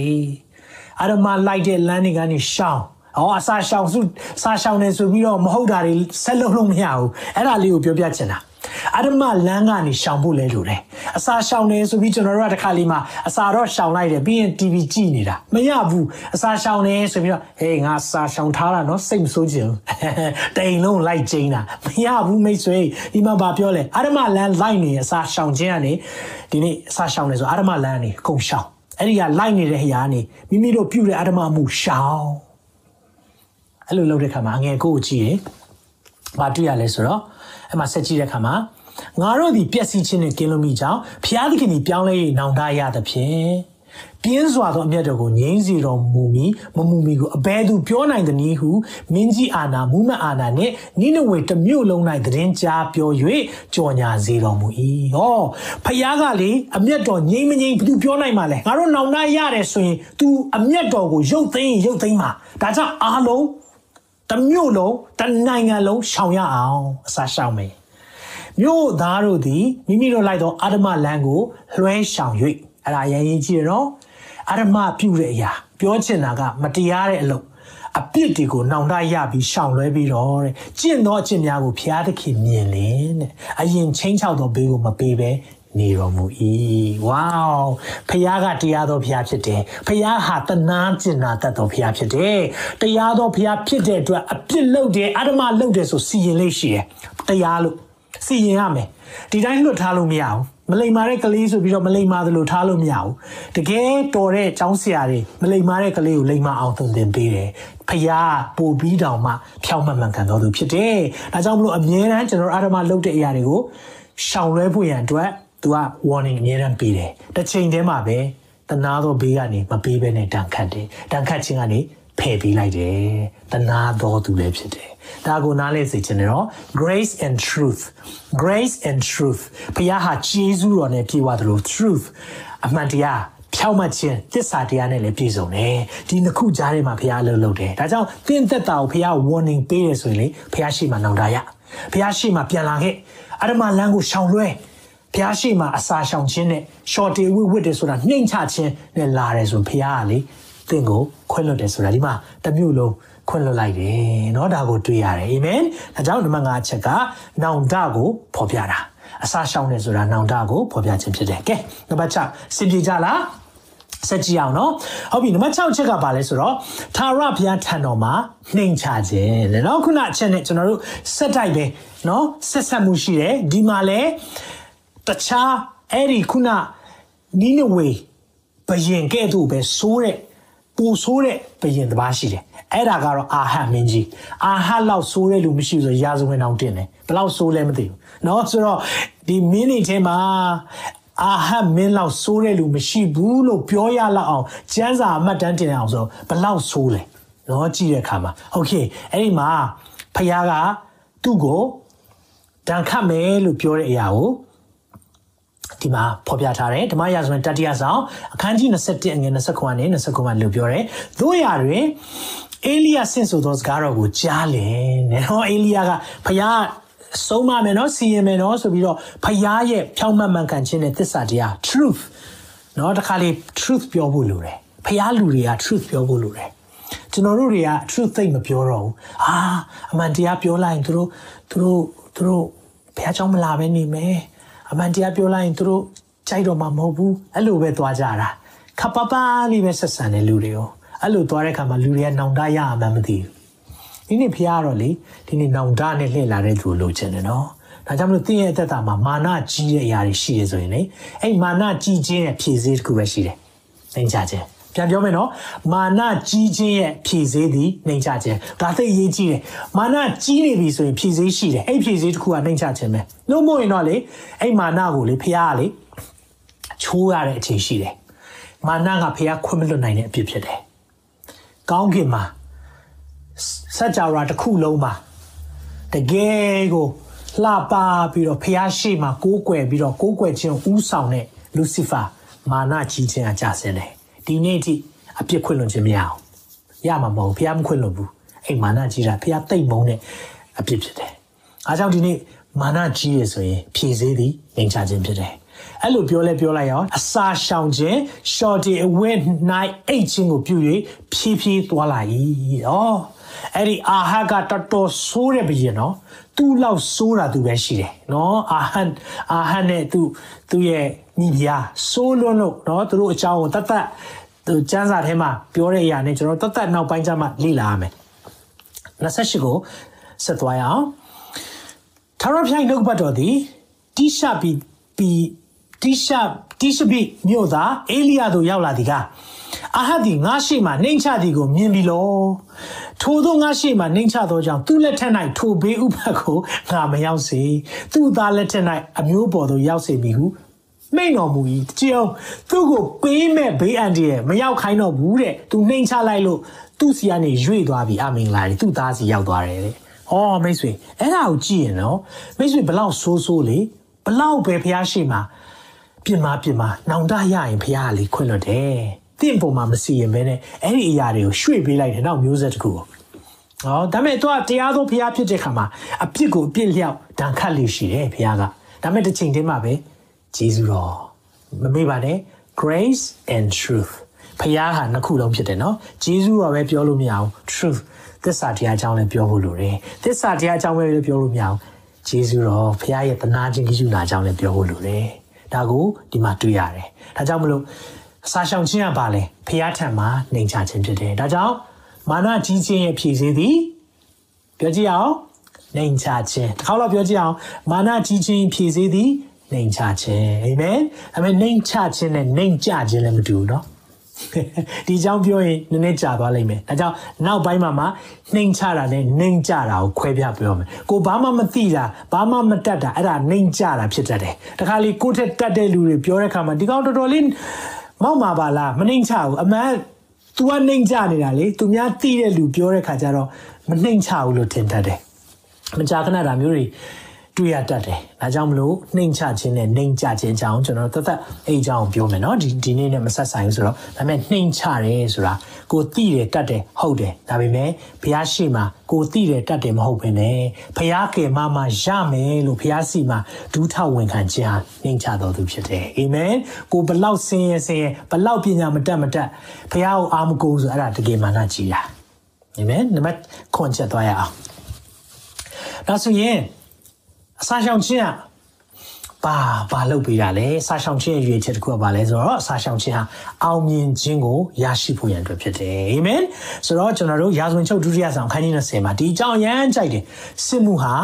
ဖျားတာဖြစ်တယ်နော်စစ်မှုဟာဖျားတာဖြစ်တယ်ကျွန်တော်တာဝန်မဟုတ်ဘူးဒါပေမဲ့အဲ့ဒီမှာယောရှဖက်ယောရှဖက်ကသူ့ကိုလာတိုက်တဲ့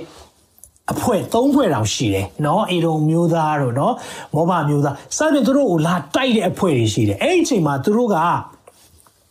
ယူဒပီဆိုတာနော်လူနည်းစုနော်အဲ့အချိန်မှာအေဒီလာပီအစ္စရေလနဲ့ဂျူဒဆိုပြီးတော့နောက်နှစ်ပိုင်းကွဲနေတဲ့အချိန်မှာသူတို့ကအင်အားအနည်းဆုံးယူဒနဲ့ဘင်ဂျမင်အမျိုးပဲရှိတော့တာအဲ့ဒီအချိန်မှာရန်သူက၃ဖွဲ့လာတိုက်တာအရန်ကြောက်ဖို့ကောင်းတာဗောအဲ့လိုအချိန်မှာယောရှုဖတ်ဘာလုပ်လဲတစ်ချက်လောက်ကြည့်ရအောင်ဘာလုပ်လဲ ယရှဘတ်ဒီကြောက်ရွေထာရဖျားကိုရှာခြင်းကသဘောချလျက်အစာရှောင်ရအချင်းကိုယူရတပီလုံးနိုင်ကြီးညာတော့မှအစာရှောင်ရအချင်းကြီးညာပြီယူရတပီလုံးကိုကြီးညာတာယူရလူတို့ဒီဖျားသခင်ကိုဆုတောင်းမိဟုဆုဝေ၍ဖျားသခင်ကိုရှာတော့ကယူရမျိုးရှိသမျှမှာထွက်လာတယ်ဒါကိုကျွန်တော်ဗာနားလဲစီခြင်းလဲဆိုတော့ဒုက္ခရောက်ပြီလို့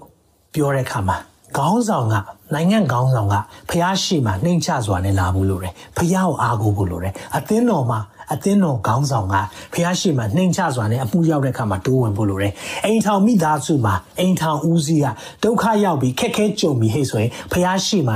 တိုးဝင်ဖို့လိုတယ်ဖះရှိမှတိုးဝင်ဖို့ကလွယ်ဆုံးနည်းရပါလေဒီလားအစာရှောင်ဆူတောင်းခြင်းအစာရှောင်ခြင်းကိုအစာရှောင်ကအချင်းယူရတစ်မျိုးလုံးကြီးညာတယ်နီးနဝေဘရင်ကတော့ပူတော်ကျန်းတယ်တရိတ်ဆန်တွေပါရေတော်မတိုက်တော့ အလောက်ထိလုပ်ပလိုက်တာဖရားရဲ့ခွင့်လွှတ်ခြင်းလာတယ်ထိုနည်း၎င်းပဲဒါကျွန်တော်တို့ story တွေနောက်နေ့မှအပြည့်စုံပြောမယ်ဆိုတော့အဲ့ဒီမှာသူတို့အစာရှောင်တဲ့အခါမှာဘာလုပ်ရမလဲလို့ပြောတဲ့အခါမှာဖရားလူ နော်ဝိညာဉ်တော်ဆင်းသက်ပြီးတော့လူတစ်ယောက်ပေါ်မှာဝိညာဉ်တော်ဆင်းသက်ပြီးတော့ဆက်သွားပါတဲ့စစ်တိုက်မဲ့ရှိမှာတချင်းတယ်တွေကိုထားပါတဲ့အဲ့တချင်းတယ်တွေကချီးမွမ်းသွားပါတဲ့တွေ့လားဆိုတော့အစာရှောင်ခြင်းနဲ့ဆူတောင်းခြင်းတွဲသလိုချီးမွမ်းခြင်းလည်းတွဲတယ်အာမင်အစာရှောင်ခြင်းနဲ့ဆူတောင်းခြင်းတွဲသလိုချီးမွမ်းခြင်းလည်းတွဲတယ်ဒါကြောင့်ခုနဖြေကြတာမမှားပါဘူးအစာရှောင်ခြင်းဟန်ဆူတောင်းခြင်းပြီးရင်ချီးမွမ်းခြင်းဒါတွေကလက်နဲ့တွေအကုန်လုံးတွဲနေတာဒါပေမဲ့အရင်မြစ်က အစာရှောင်ခြင်းဖြစ်ရအောင်အာမင်အဲကြောင့်မလို့အစာရှောင်ခြင်းကိုစုအားလုံးလုပ်တဲ့အခါမှာသူတို့သွားတယ်နော်ဘလောက်ကြောက်မလဲအဲ့ဒီ praise and worship leader တွေနော်သာရဖျားကြီးကောင်းမြတ်တော်မူရဲ့ဂုဏ်ကျေးဇူးတော်ကိုကြီးမွမ်းမယ်ဆိုပြီးတတ်တစ်ခုလုံးရှေ့မှာသူတို့ကတီးမှုတ်တဲ့အခါမှာတဲ့ရန်သူတွေ confuse ဖြစ်သွားတယ်အချင်းချင်းရှုပ်ထွေးပြီးတော့တယောက်နဲ့တယောက်ချတဲ့အခါမှာသုံးရက်လုံးလုံးလက်ရဥစ္စာတွေအာစီးစိမ်တွေနော်ကြံခဲ့တဲ့ရွှေငွေတွေတန်နေနော်ဓာတ်တွေလက်နက်တွေအကုန်လုံးသိမ်းတာ၃ရက်တောင်ကောက်ရတယ် တစ်ချက်မှမြားမပစ်လိုက်ရအောင်တစ်ချက်မှလက်မထောက်လိုက်ရအောင်ဘာကြောင့်လဲဖျားတိုက်ပေးတယ်ဒါပေမဲ့ဖျားတိုက်ပေးဖို့ဘာလုပ်လိုက်ရလဲစာရှောင်ဆုတောင်းတယ်အာမင်ဒါကြောင့်စာရှောင်ဆုတောင်းခြင်းအောင်မြင်ခြင်းရရှိစေတဲ့တော်ချက်ဖြစ်တယ်အာမင်အဆင်ပြေမလားကဲနောက်ဆုံးချက်ကျွန်တော်သွားရအောင်နော်အစာရှောင်ဆုတောင်းခြင်းဟာဘာကိုပုံပုံဖော်လဲဆိုဖျားကိုကိုးကွယ်ခြင်းဖြစ်တယ်ဒီနေ့နော်ကိုးကွယ်ခြင်းလို့ပြောရင်တော်တော်များများသချင်းဆိုတာပဲမြင်တယ် praise and worship လေးဆရာ praise and worship သမီးကသိကြိုက်တာပဲဟုတ်လားသမီးစာရှောင်ဖူးလားအမ်သမီးပိုင်းနာတယ်ကြားဖူးတယ်အဲကိုကွယ်ချင်းအော်အားကြိုက်တယ်ကျွန်တော်တို့တချင်းရောင်းဝမ်းသားပါဆရာတင်ပေးပါဟုတ်လားဒါဆေဘုတ်ဘုတ်ဖယ်လာတာဖះကိုပေးလားအာဆရာရေးပေးစရာမရှိဘူးစေဘုရားပေးကမ်းခြင်းဟာလည်းကိုးကွယ်ခြင်းပဲဆုတောင်းခြင်းဟာလည်းကိုးကွယ်ခြင်းပဲအစာရှောင်ခြင်းဟာလည်းကိုးကွယ်ခြင်းပဲဖြစ်တယ်မိတ်ဆွေ ဒီနေ့ကိုးကွယ်ခြင်းလို့ပြောရင်ကျွန်တော်တို့တခြင်းအနှေးလေး worship song ဆိုပြီးတော့ဟာလာ Emmanuel ကိုရောအဲ့လိုမဟုတ်ဘူးကျွန်တော်ကိုးကွယ်ခြင်းကြောင်းကောင်းကောင်းကျွန်တော်သင်တော်တွေကိုသင်တယ်ဒီနေ့လည်းချက်ပြောမယ်ကိုးကွယ်ခြင်းဆိုတာတခြင်းဆိုခြင်းတသက်မဟုတ်ဘူးဒီနေ့ကိုးကွယ်ခြင်းဆိုတာလေဒီနေ့အစာရှောင်ခြင်းဟာကိုးကွယ်ခြင်းနဲ့မပါတယ်အာမင်ဒါကိုနားလဲစေခြင်းနဲ့တချို့လူတွေစာရှောင်ရမယ်ဒီနေ့ကျွန်တော်ဟောနေတဲ့အချိန်မှာတချို့တွေသိတယ် ကိုယ့်ရဲ့တက်တာမှာဖះကနိုးစော်နေပြီတခါမှမလုပ်ဘူးတဲ့လူတွေရှိလိမ့်မယ်နော်အဲ့ဒီလူတွေရက်ရှည်သွားစရာမလိုဘူးတနှက်ရှောင်နိုင်ရှောင်မယ်ပါဇက်စာရှောင်နိုင်ရှောင်မယ်မျက်စိစာရှောင်နိုင်ရှောင်မယ် Facebook ရှောင်ရှောင်ဖို့လိုရင်ရှောင်မယ် TV ရှောင်ဖို့လိုရင်ရှောင်မယ်ဟုတ်တယ်နော်ဒီအစာတွေရှောင်မှသာဝိညာဉ်အစာစားဖို့ဖြစ်တယ်အာမင်အာမင်ဒါကြောင့်မလို့ဒီမှာနောက်ဆုံးချက်ရှင်လုကာခရစ်ဝင်ကျမ်းခန်းကြီး2အငယ်36နဲ့39မှာဒီလိုပြောတယ်အာရှာအမျိုးဖြစ်သော ဖေနွေဖေနွေလာဖနွေလာဤသမီးအာနာနော်အာနာအာနာအန်နာအန်နာအေးရလာပါတယ်အန်နာ prophecy နော် prophet prophet မျိုးသမီးဖြစ်တယ်အန်နာအမရှိတော့ prophet မတယောက်ရှိသူဒီပြိုသောရွေမှစ၍ခုနှစ်နှစ်တော်လင်နဲ့နေပြီးလင်ဆိုတော့သူရက်အိမ်ထောင်တက်ကပြောချင်တာခုနှစ်နှစ်နော်ဆိုတော့အိမ်ထောင်တက်ခုနှစ်နှစ်ပဲရှိတယ်သို့တော့အသက်ကြီးရနေအနှစ် 84နှစ်ခံများတိုင်တိုင်မုတ်ဆိုးမဖြစ်တယ်အဲ့ဒီလောက်ပဲဖြစ်ပြီးတော့ယောက်ျားဆုံးသွားတယ်မုတ်ဆိုးမနဲ့အနှစ်80လောက်သူနေတာအဲ့လိုနေတဲ့ခါမှာတဲ့ဘာပြောလဲဆိုတော့စုတောင်းခြင်းနဲ့အစာရှောင်ခြင်းအပြင်နေညမပြတ်ဖျားဝတ်ကိုပြု၍ဗိမာန်တော်နဲ့မခွာပဲနေ၏တဲ့ဗိမာန်တော်နဲ့မခွာပဲနဲ့သူဆုတောင်းခြင်းအစာရှောင်ခြင်းနဲ့နေညမပြတ်လုပ်တယ်အဲ့လိုလုပ်တော့အကျိုးပါရလဲသိလား prophet Anna ဘာဖြစ်သွားလဲသိလားယေရှုကိုဖူးမြောက်ခွင့်ရတယ်အာမင်ဖယားကလေထင်ရှားစွာပြတာ။အိုးသူယေရှုကိုတွေ့တဲ့အခါမှာအယမ်းကျဉ်းသွားပြီ။တရားကျိုးနှံ့ပြီပေါ့။ခုစကားနဲ့ပြောရင်ပြီးသွားပြီ။အော်မေရှိယကိုသူတွေ့ခွင့်ရပါလား။ဘယ်ကနေလာလဲ ဝိညာဉ်လူလေဝိညာဉ်အတွင်းလူကခိုင်ခန့်တာလေဘာလို့ခိုင်ခန့်လဲအတွင်းလူအစာရှောင်ခြင်းနဲ့ဆုတောင်းခြင်းနေညမပြတ်ဖျားဝတ်ကိုပြုတာဝတ်ပြုတာကိုးကွယ်နေတာအဲ့လိုလူလောက်တဲ့ခါမှာဖျားကလည်းသူ့ကိုတွေ့ခွင့်ပေးတာသူ့အကြောင်းကိုပြောခွင့်ပေးတာအာမင်သူတွေ့တဲ့အခါမှာဝေါမေရှိယမေရှိယကိုဖူးမြော်ခွင့်ရတာဘလောက်မြင့်မြတ်လဲမိတ်ဆွေဒါကြောင့်မလို့လေ စစ်မှန်သောကိုးကွယ်သူကိုဖျားလိုက်ရှာတယ်တဲ့ယောဟန်လေးထဲမှာ23 24မှာဖတ်ကြည့်ရင်စစ်မှန်သောကိုးကွယ်သူဖျားအလိုရှိတယ်လို့မြန်မာကျမ်းစာမှာပြောတယ်အင်္ဂလိပ်ကျမ်းစာမှာ God is seeking ရှာဖွေတာ looking for ရှာဖွေတာဖျားလိုက်ရှာတယ်အဲ့ဒီစစ်မှန်သောကိုးကွယ်သူတွေထဲမှာလေသင်နဲ့ကျွန်တော်ပါပြီလားပါဖို့လိုတယ်မိတ်ဆွေအစာရှောင်ခြင်းသည်လည်းကိုးကွယ်ခြင်းတစ်မျိုးဖြစ်တယ်အစာရှောင်ခြင်းဟာ deep deep worship ဒီနေ့ကျွန်တော်တို့အစာရှောင်ခြင်းအကြောင်းဟာ ဒီနေ့ကျွန်တော်ပြောတဲ့အခါမှာဒါလေးကိုနားလဲစေချင်တယ်ဒါကြောင့်ရှစ်ခုကိုကျွန်တော် wrap up ပြန်လုပ်ပေးမယ်စာဆောင်ချင်းရဲ့ရွေချက်ရှစ်ခုရှိပါတယ်ဒီထက်မကလည်းရှိတယ်ဒါမဲ့ကျွန်တော်ဒီနေ့ရှစ်ခုပဲပြောသွားမယ်သာသနာလုပ်ငန်းအောင်မြင်ဖို့နော်တင်ရဲ့သာသနာအမှုတော်မြတ်လုပ်ငန်းတွေကျွန်တော်ရှိလိမ့်မယ်ဒါတွေအောင်မြင်ဖို့ရန်အတွက်ကျွန်တော်လုပ်ဖို့လိုတယ်။နောက်သာရဖျားရဲ့လမ်းပြခြင်းရှာဖွေဖို့လမ်းပြောင်းနေရင်စာရှောင်းပါ။ ကြေကွဲနေလားဝမ်းနေနေလားဖျားနိုင်ငံတော်ထဲမှာလူတွေပျောက်ဆုံးသောဝိညာဉ်တွေပြက်စီးနေတာသင်ကြေကွဲလားအစာရှောင်ပါ။အာမင်မြန်မာနိုင်ငံသားတွေမပြောင်းလဲသေးဘူး။စဉ်းစားကြည့်တိုင်းဝမ်းနေဖို့ပဲ။ကျွန်တော်မြန်မာနိုင်ငံမှာတန်း90ကျော်ရှိတယ်။နောက်ယုံကြည်သူက6%အလောက်ပဲရှိတာ။ဆိုတော့တန်း40ကျော်လောက်ကမပြောင်းလဲသေးဘူးခရစ်တော်မသိသေးဘူး။ဒီအတွက်ကျွန်တော်တို့တွေမချေကွဲဘူးလား စာရှောင်ဖို့လိုတယ်သင်ဘာကြောင့်စာရှောင်မှမသိရင်ရွေချက်ကောင်းကောင်းရှိတယ်ပျောက်ဆုံးသောဝိညာဉ်တော်တွေအဲ့ဝမ်းနည်းချေကွဲဖို့အဲ့ဒါကိုဖော်ပြခြင်းတော့စာရှောင်ဆုတောင်းရအောင်အာမင်သာရဖျားဤကာကွယ်ခြင်းနဲ့လွတ်မြောက်ခြင်းကိုဖျားရဲ့ကာကွယ်ခြင်းနဲ့လွတ်မြောက်ခြင်းဘေးဒုက္ခကြုံနေလားဒီအရာတဲ့အစာရှောင်ဖို့လိုတယ်။နောင်တရတာဖျားထံမှာလှည့်လာပြီးနောင်တရခြင်းကိုဖော်ပြတယ်။ဘလောက်ပဲဒူးစရိုက်ပြစ်တွေလှုပ်ခဲ့ပါစေဖျားရှိမှနှိမ်ချခြင်းကိုပြတယ်နော်။အဲ့ဒါကိုလည်းတွေ့ရတယ်ပြီးရင်ကျွန်တော်တို့ အောင်မြင်ခြင်းရရှိဖို့ယောရှဖတ်မြင်းကြီးလိုပဲစစ်တောင်တိုက်စရာမလိုပဲနဲ့ဖျားသည်စစ်မှုဟာငါရဲ့တာဖြစ်တယ်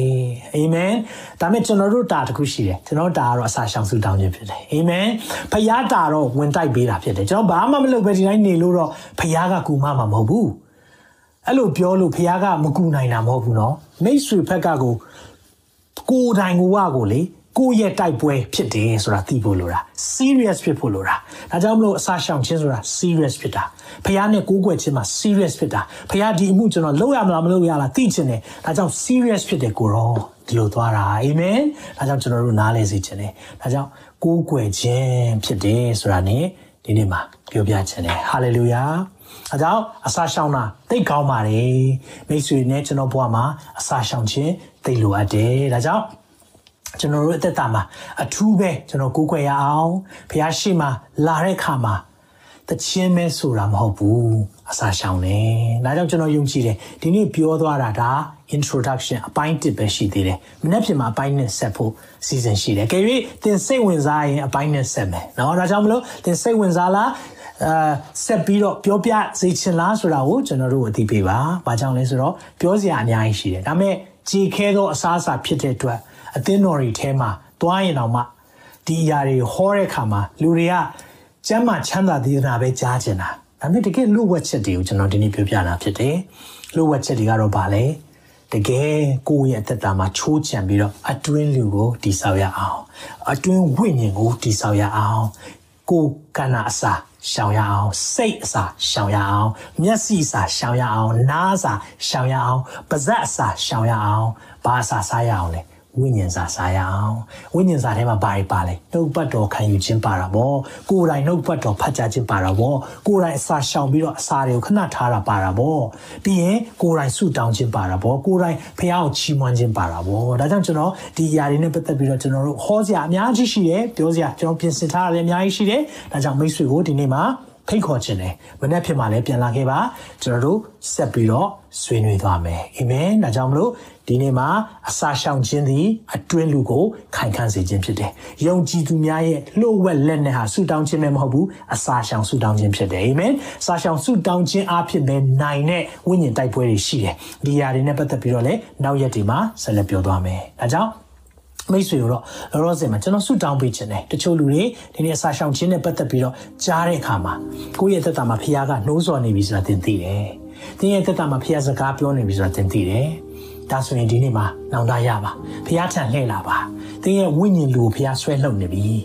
ဒီနေ့လောကကိုသင်ကြည့်တဲ့အခါမှာပျက်စီးဆုံးရှုံးမှုတွေပဲသင်တွေ့နေရတယ်။ကိုရိုနာဗိုင်းရပ်စ်ကြောင့်မလို့လူတွေစီစဉ်ထားတာအကုန်ပြတ်သွားတယ်ဟုတ်တယ်မလား။အလုပ်တွေကျွန်တော်လုပ်ချင်တိုင်းလုပ်လို့မရတော့ဘူး။ခရီးတွေတွားချင်တိုင်းတွားလို့မရတော့ဘူး။လူတွေတွေ့ချင်တိုင်းတွေ့လို့မရတော့ဘူး။အဲ့ဒီအချိန်မှာဘာကအရေးကြီးလဲဆိုတာသင်သိလာပြီ။ဝိညာဉ်ကအရေးကြီးတာ။သင်ဒီနေ့ကျွန်တော်ဘာကြောင့်ဒီအရာတွေလုပ်နေလဲကျွန်တော် team တွေဘာကြောင့်အားထည့်ပြီးတော့ဒီရဲ့ကိစ္စတွေလုပ်နေလဲ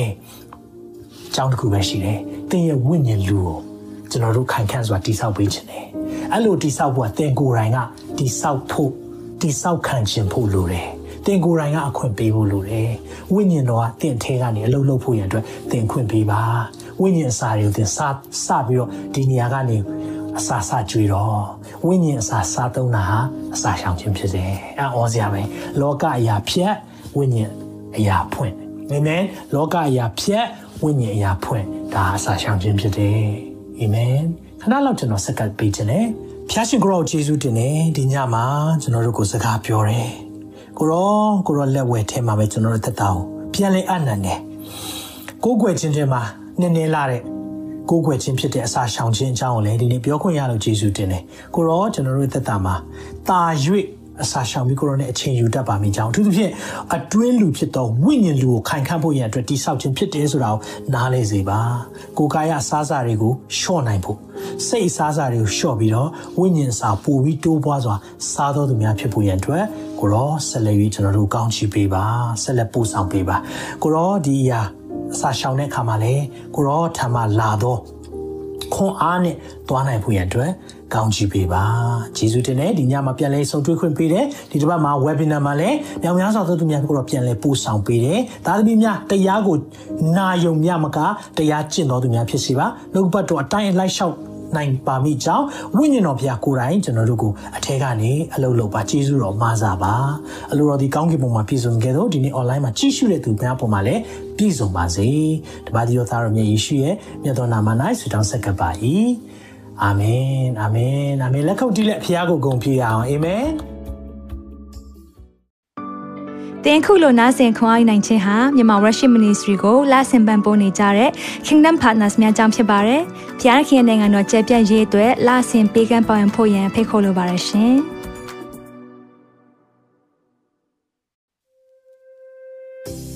အခုကြားနာခဲ့ရတဲ့နှုတ်ပတ်တော်အဖြစ်ခွန်အားရရှိမဲ့လို့ယုံကြည်မျှော်လင့်ပါတယ်။ ခွာရရဆိုလို့ရှိရင်ဒီတစ်ပတ်နဲ့ပြန်လည်ဝင်မြပေးဖို့ရန်တောင်းဆိုပါရစေမြန်မာ Worship Ministry ရဲ့ website myanmarworship.com ကိုလည်းလာရောက်လေ့လာဖို့ရန်တွဲဖိတ်ခေါ်ချင်ပါတယ်။တချိန်ထဲမှာမြန်မာ Worship Ministry ရဲ့ social media platform များဖြစ်တဲ့မြန်မာ Worship YouTube Channel, မြန်မာ Worship Facebook Page နဲ့မြန်မာ Worship Instagram များကိုလည်းလာရောက်လေ့လာဖို့ရန်တွဲဖိတ်ခေါ်ချင်ပါတယ်။နောက်တစ်ချိန်မှာပြန်လည်ဆုံတွေ့ကြပါစို့။ဖျားရှင်ကောင်းကြီးပေးပါစေ။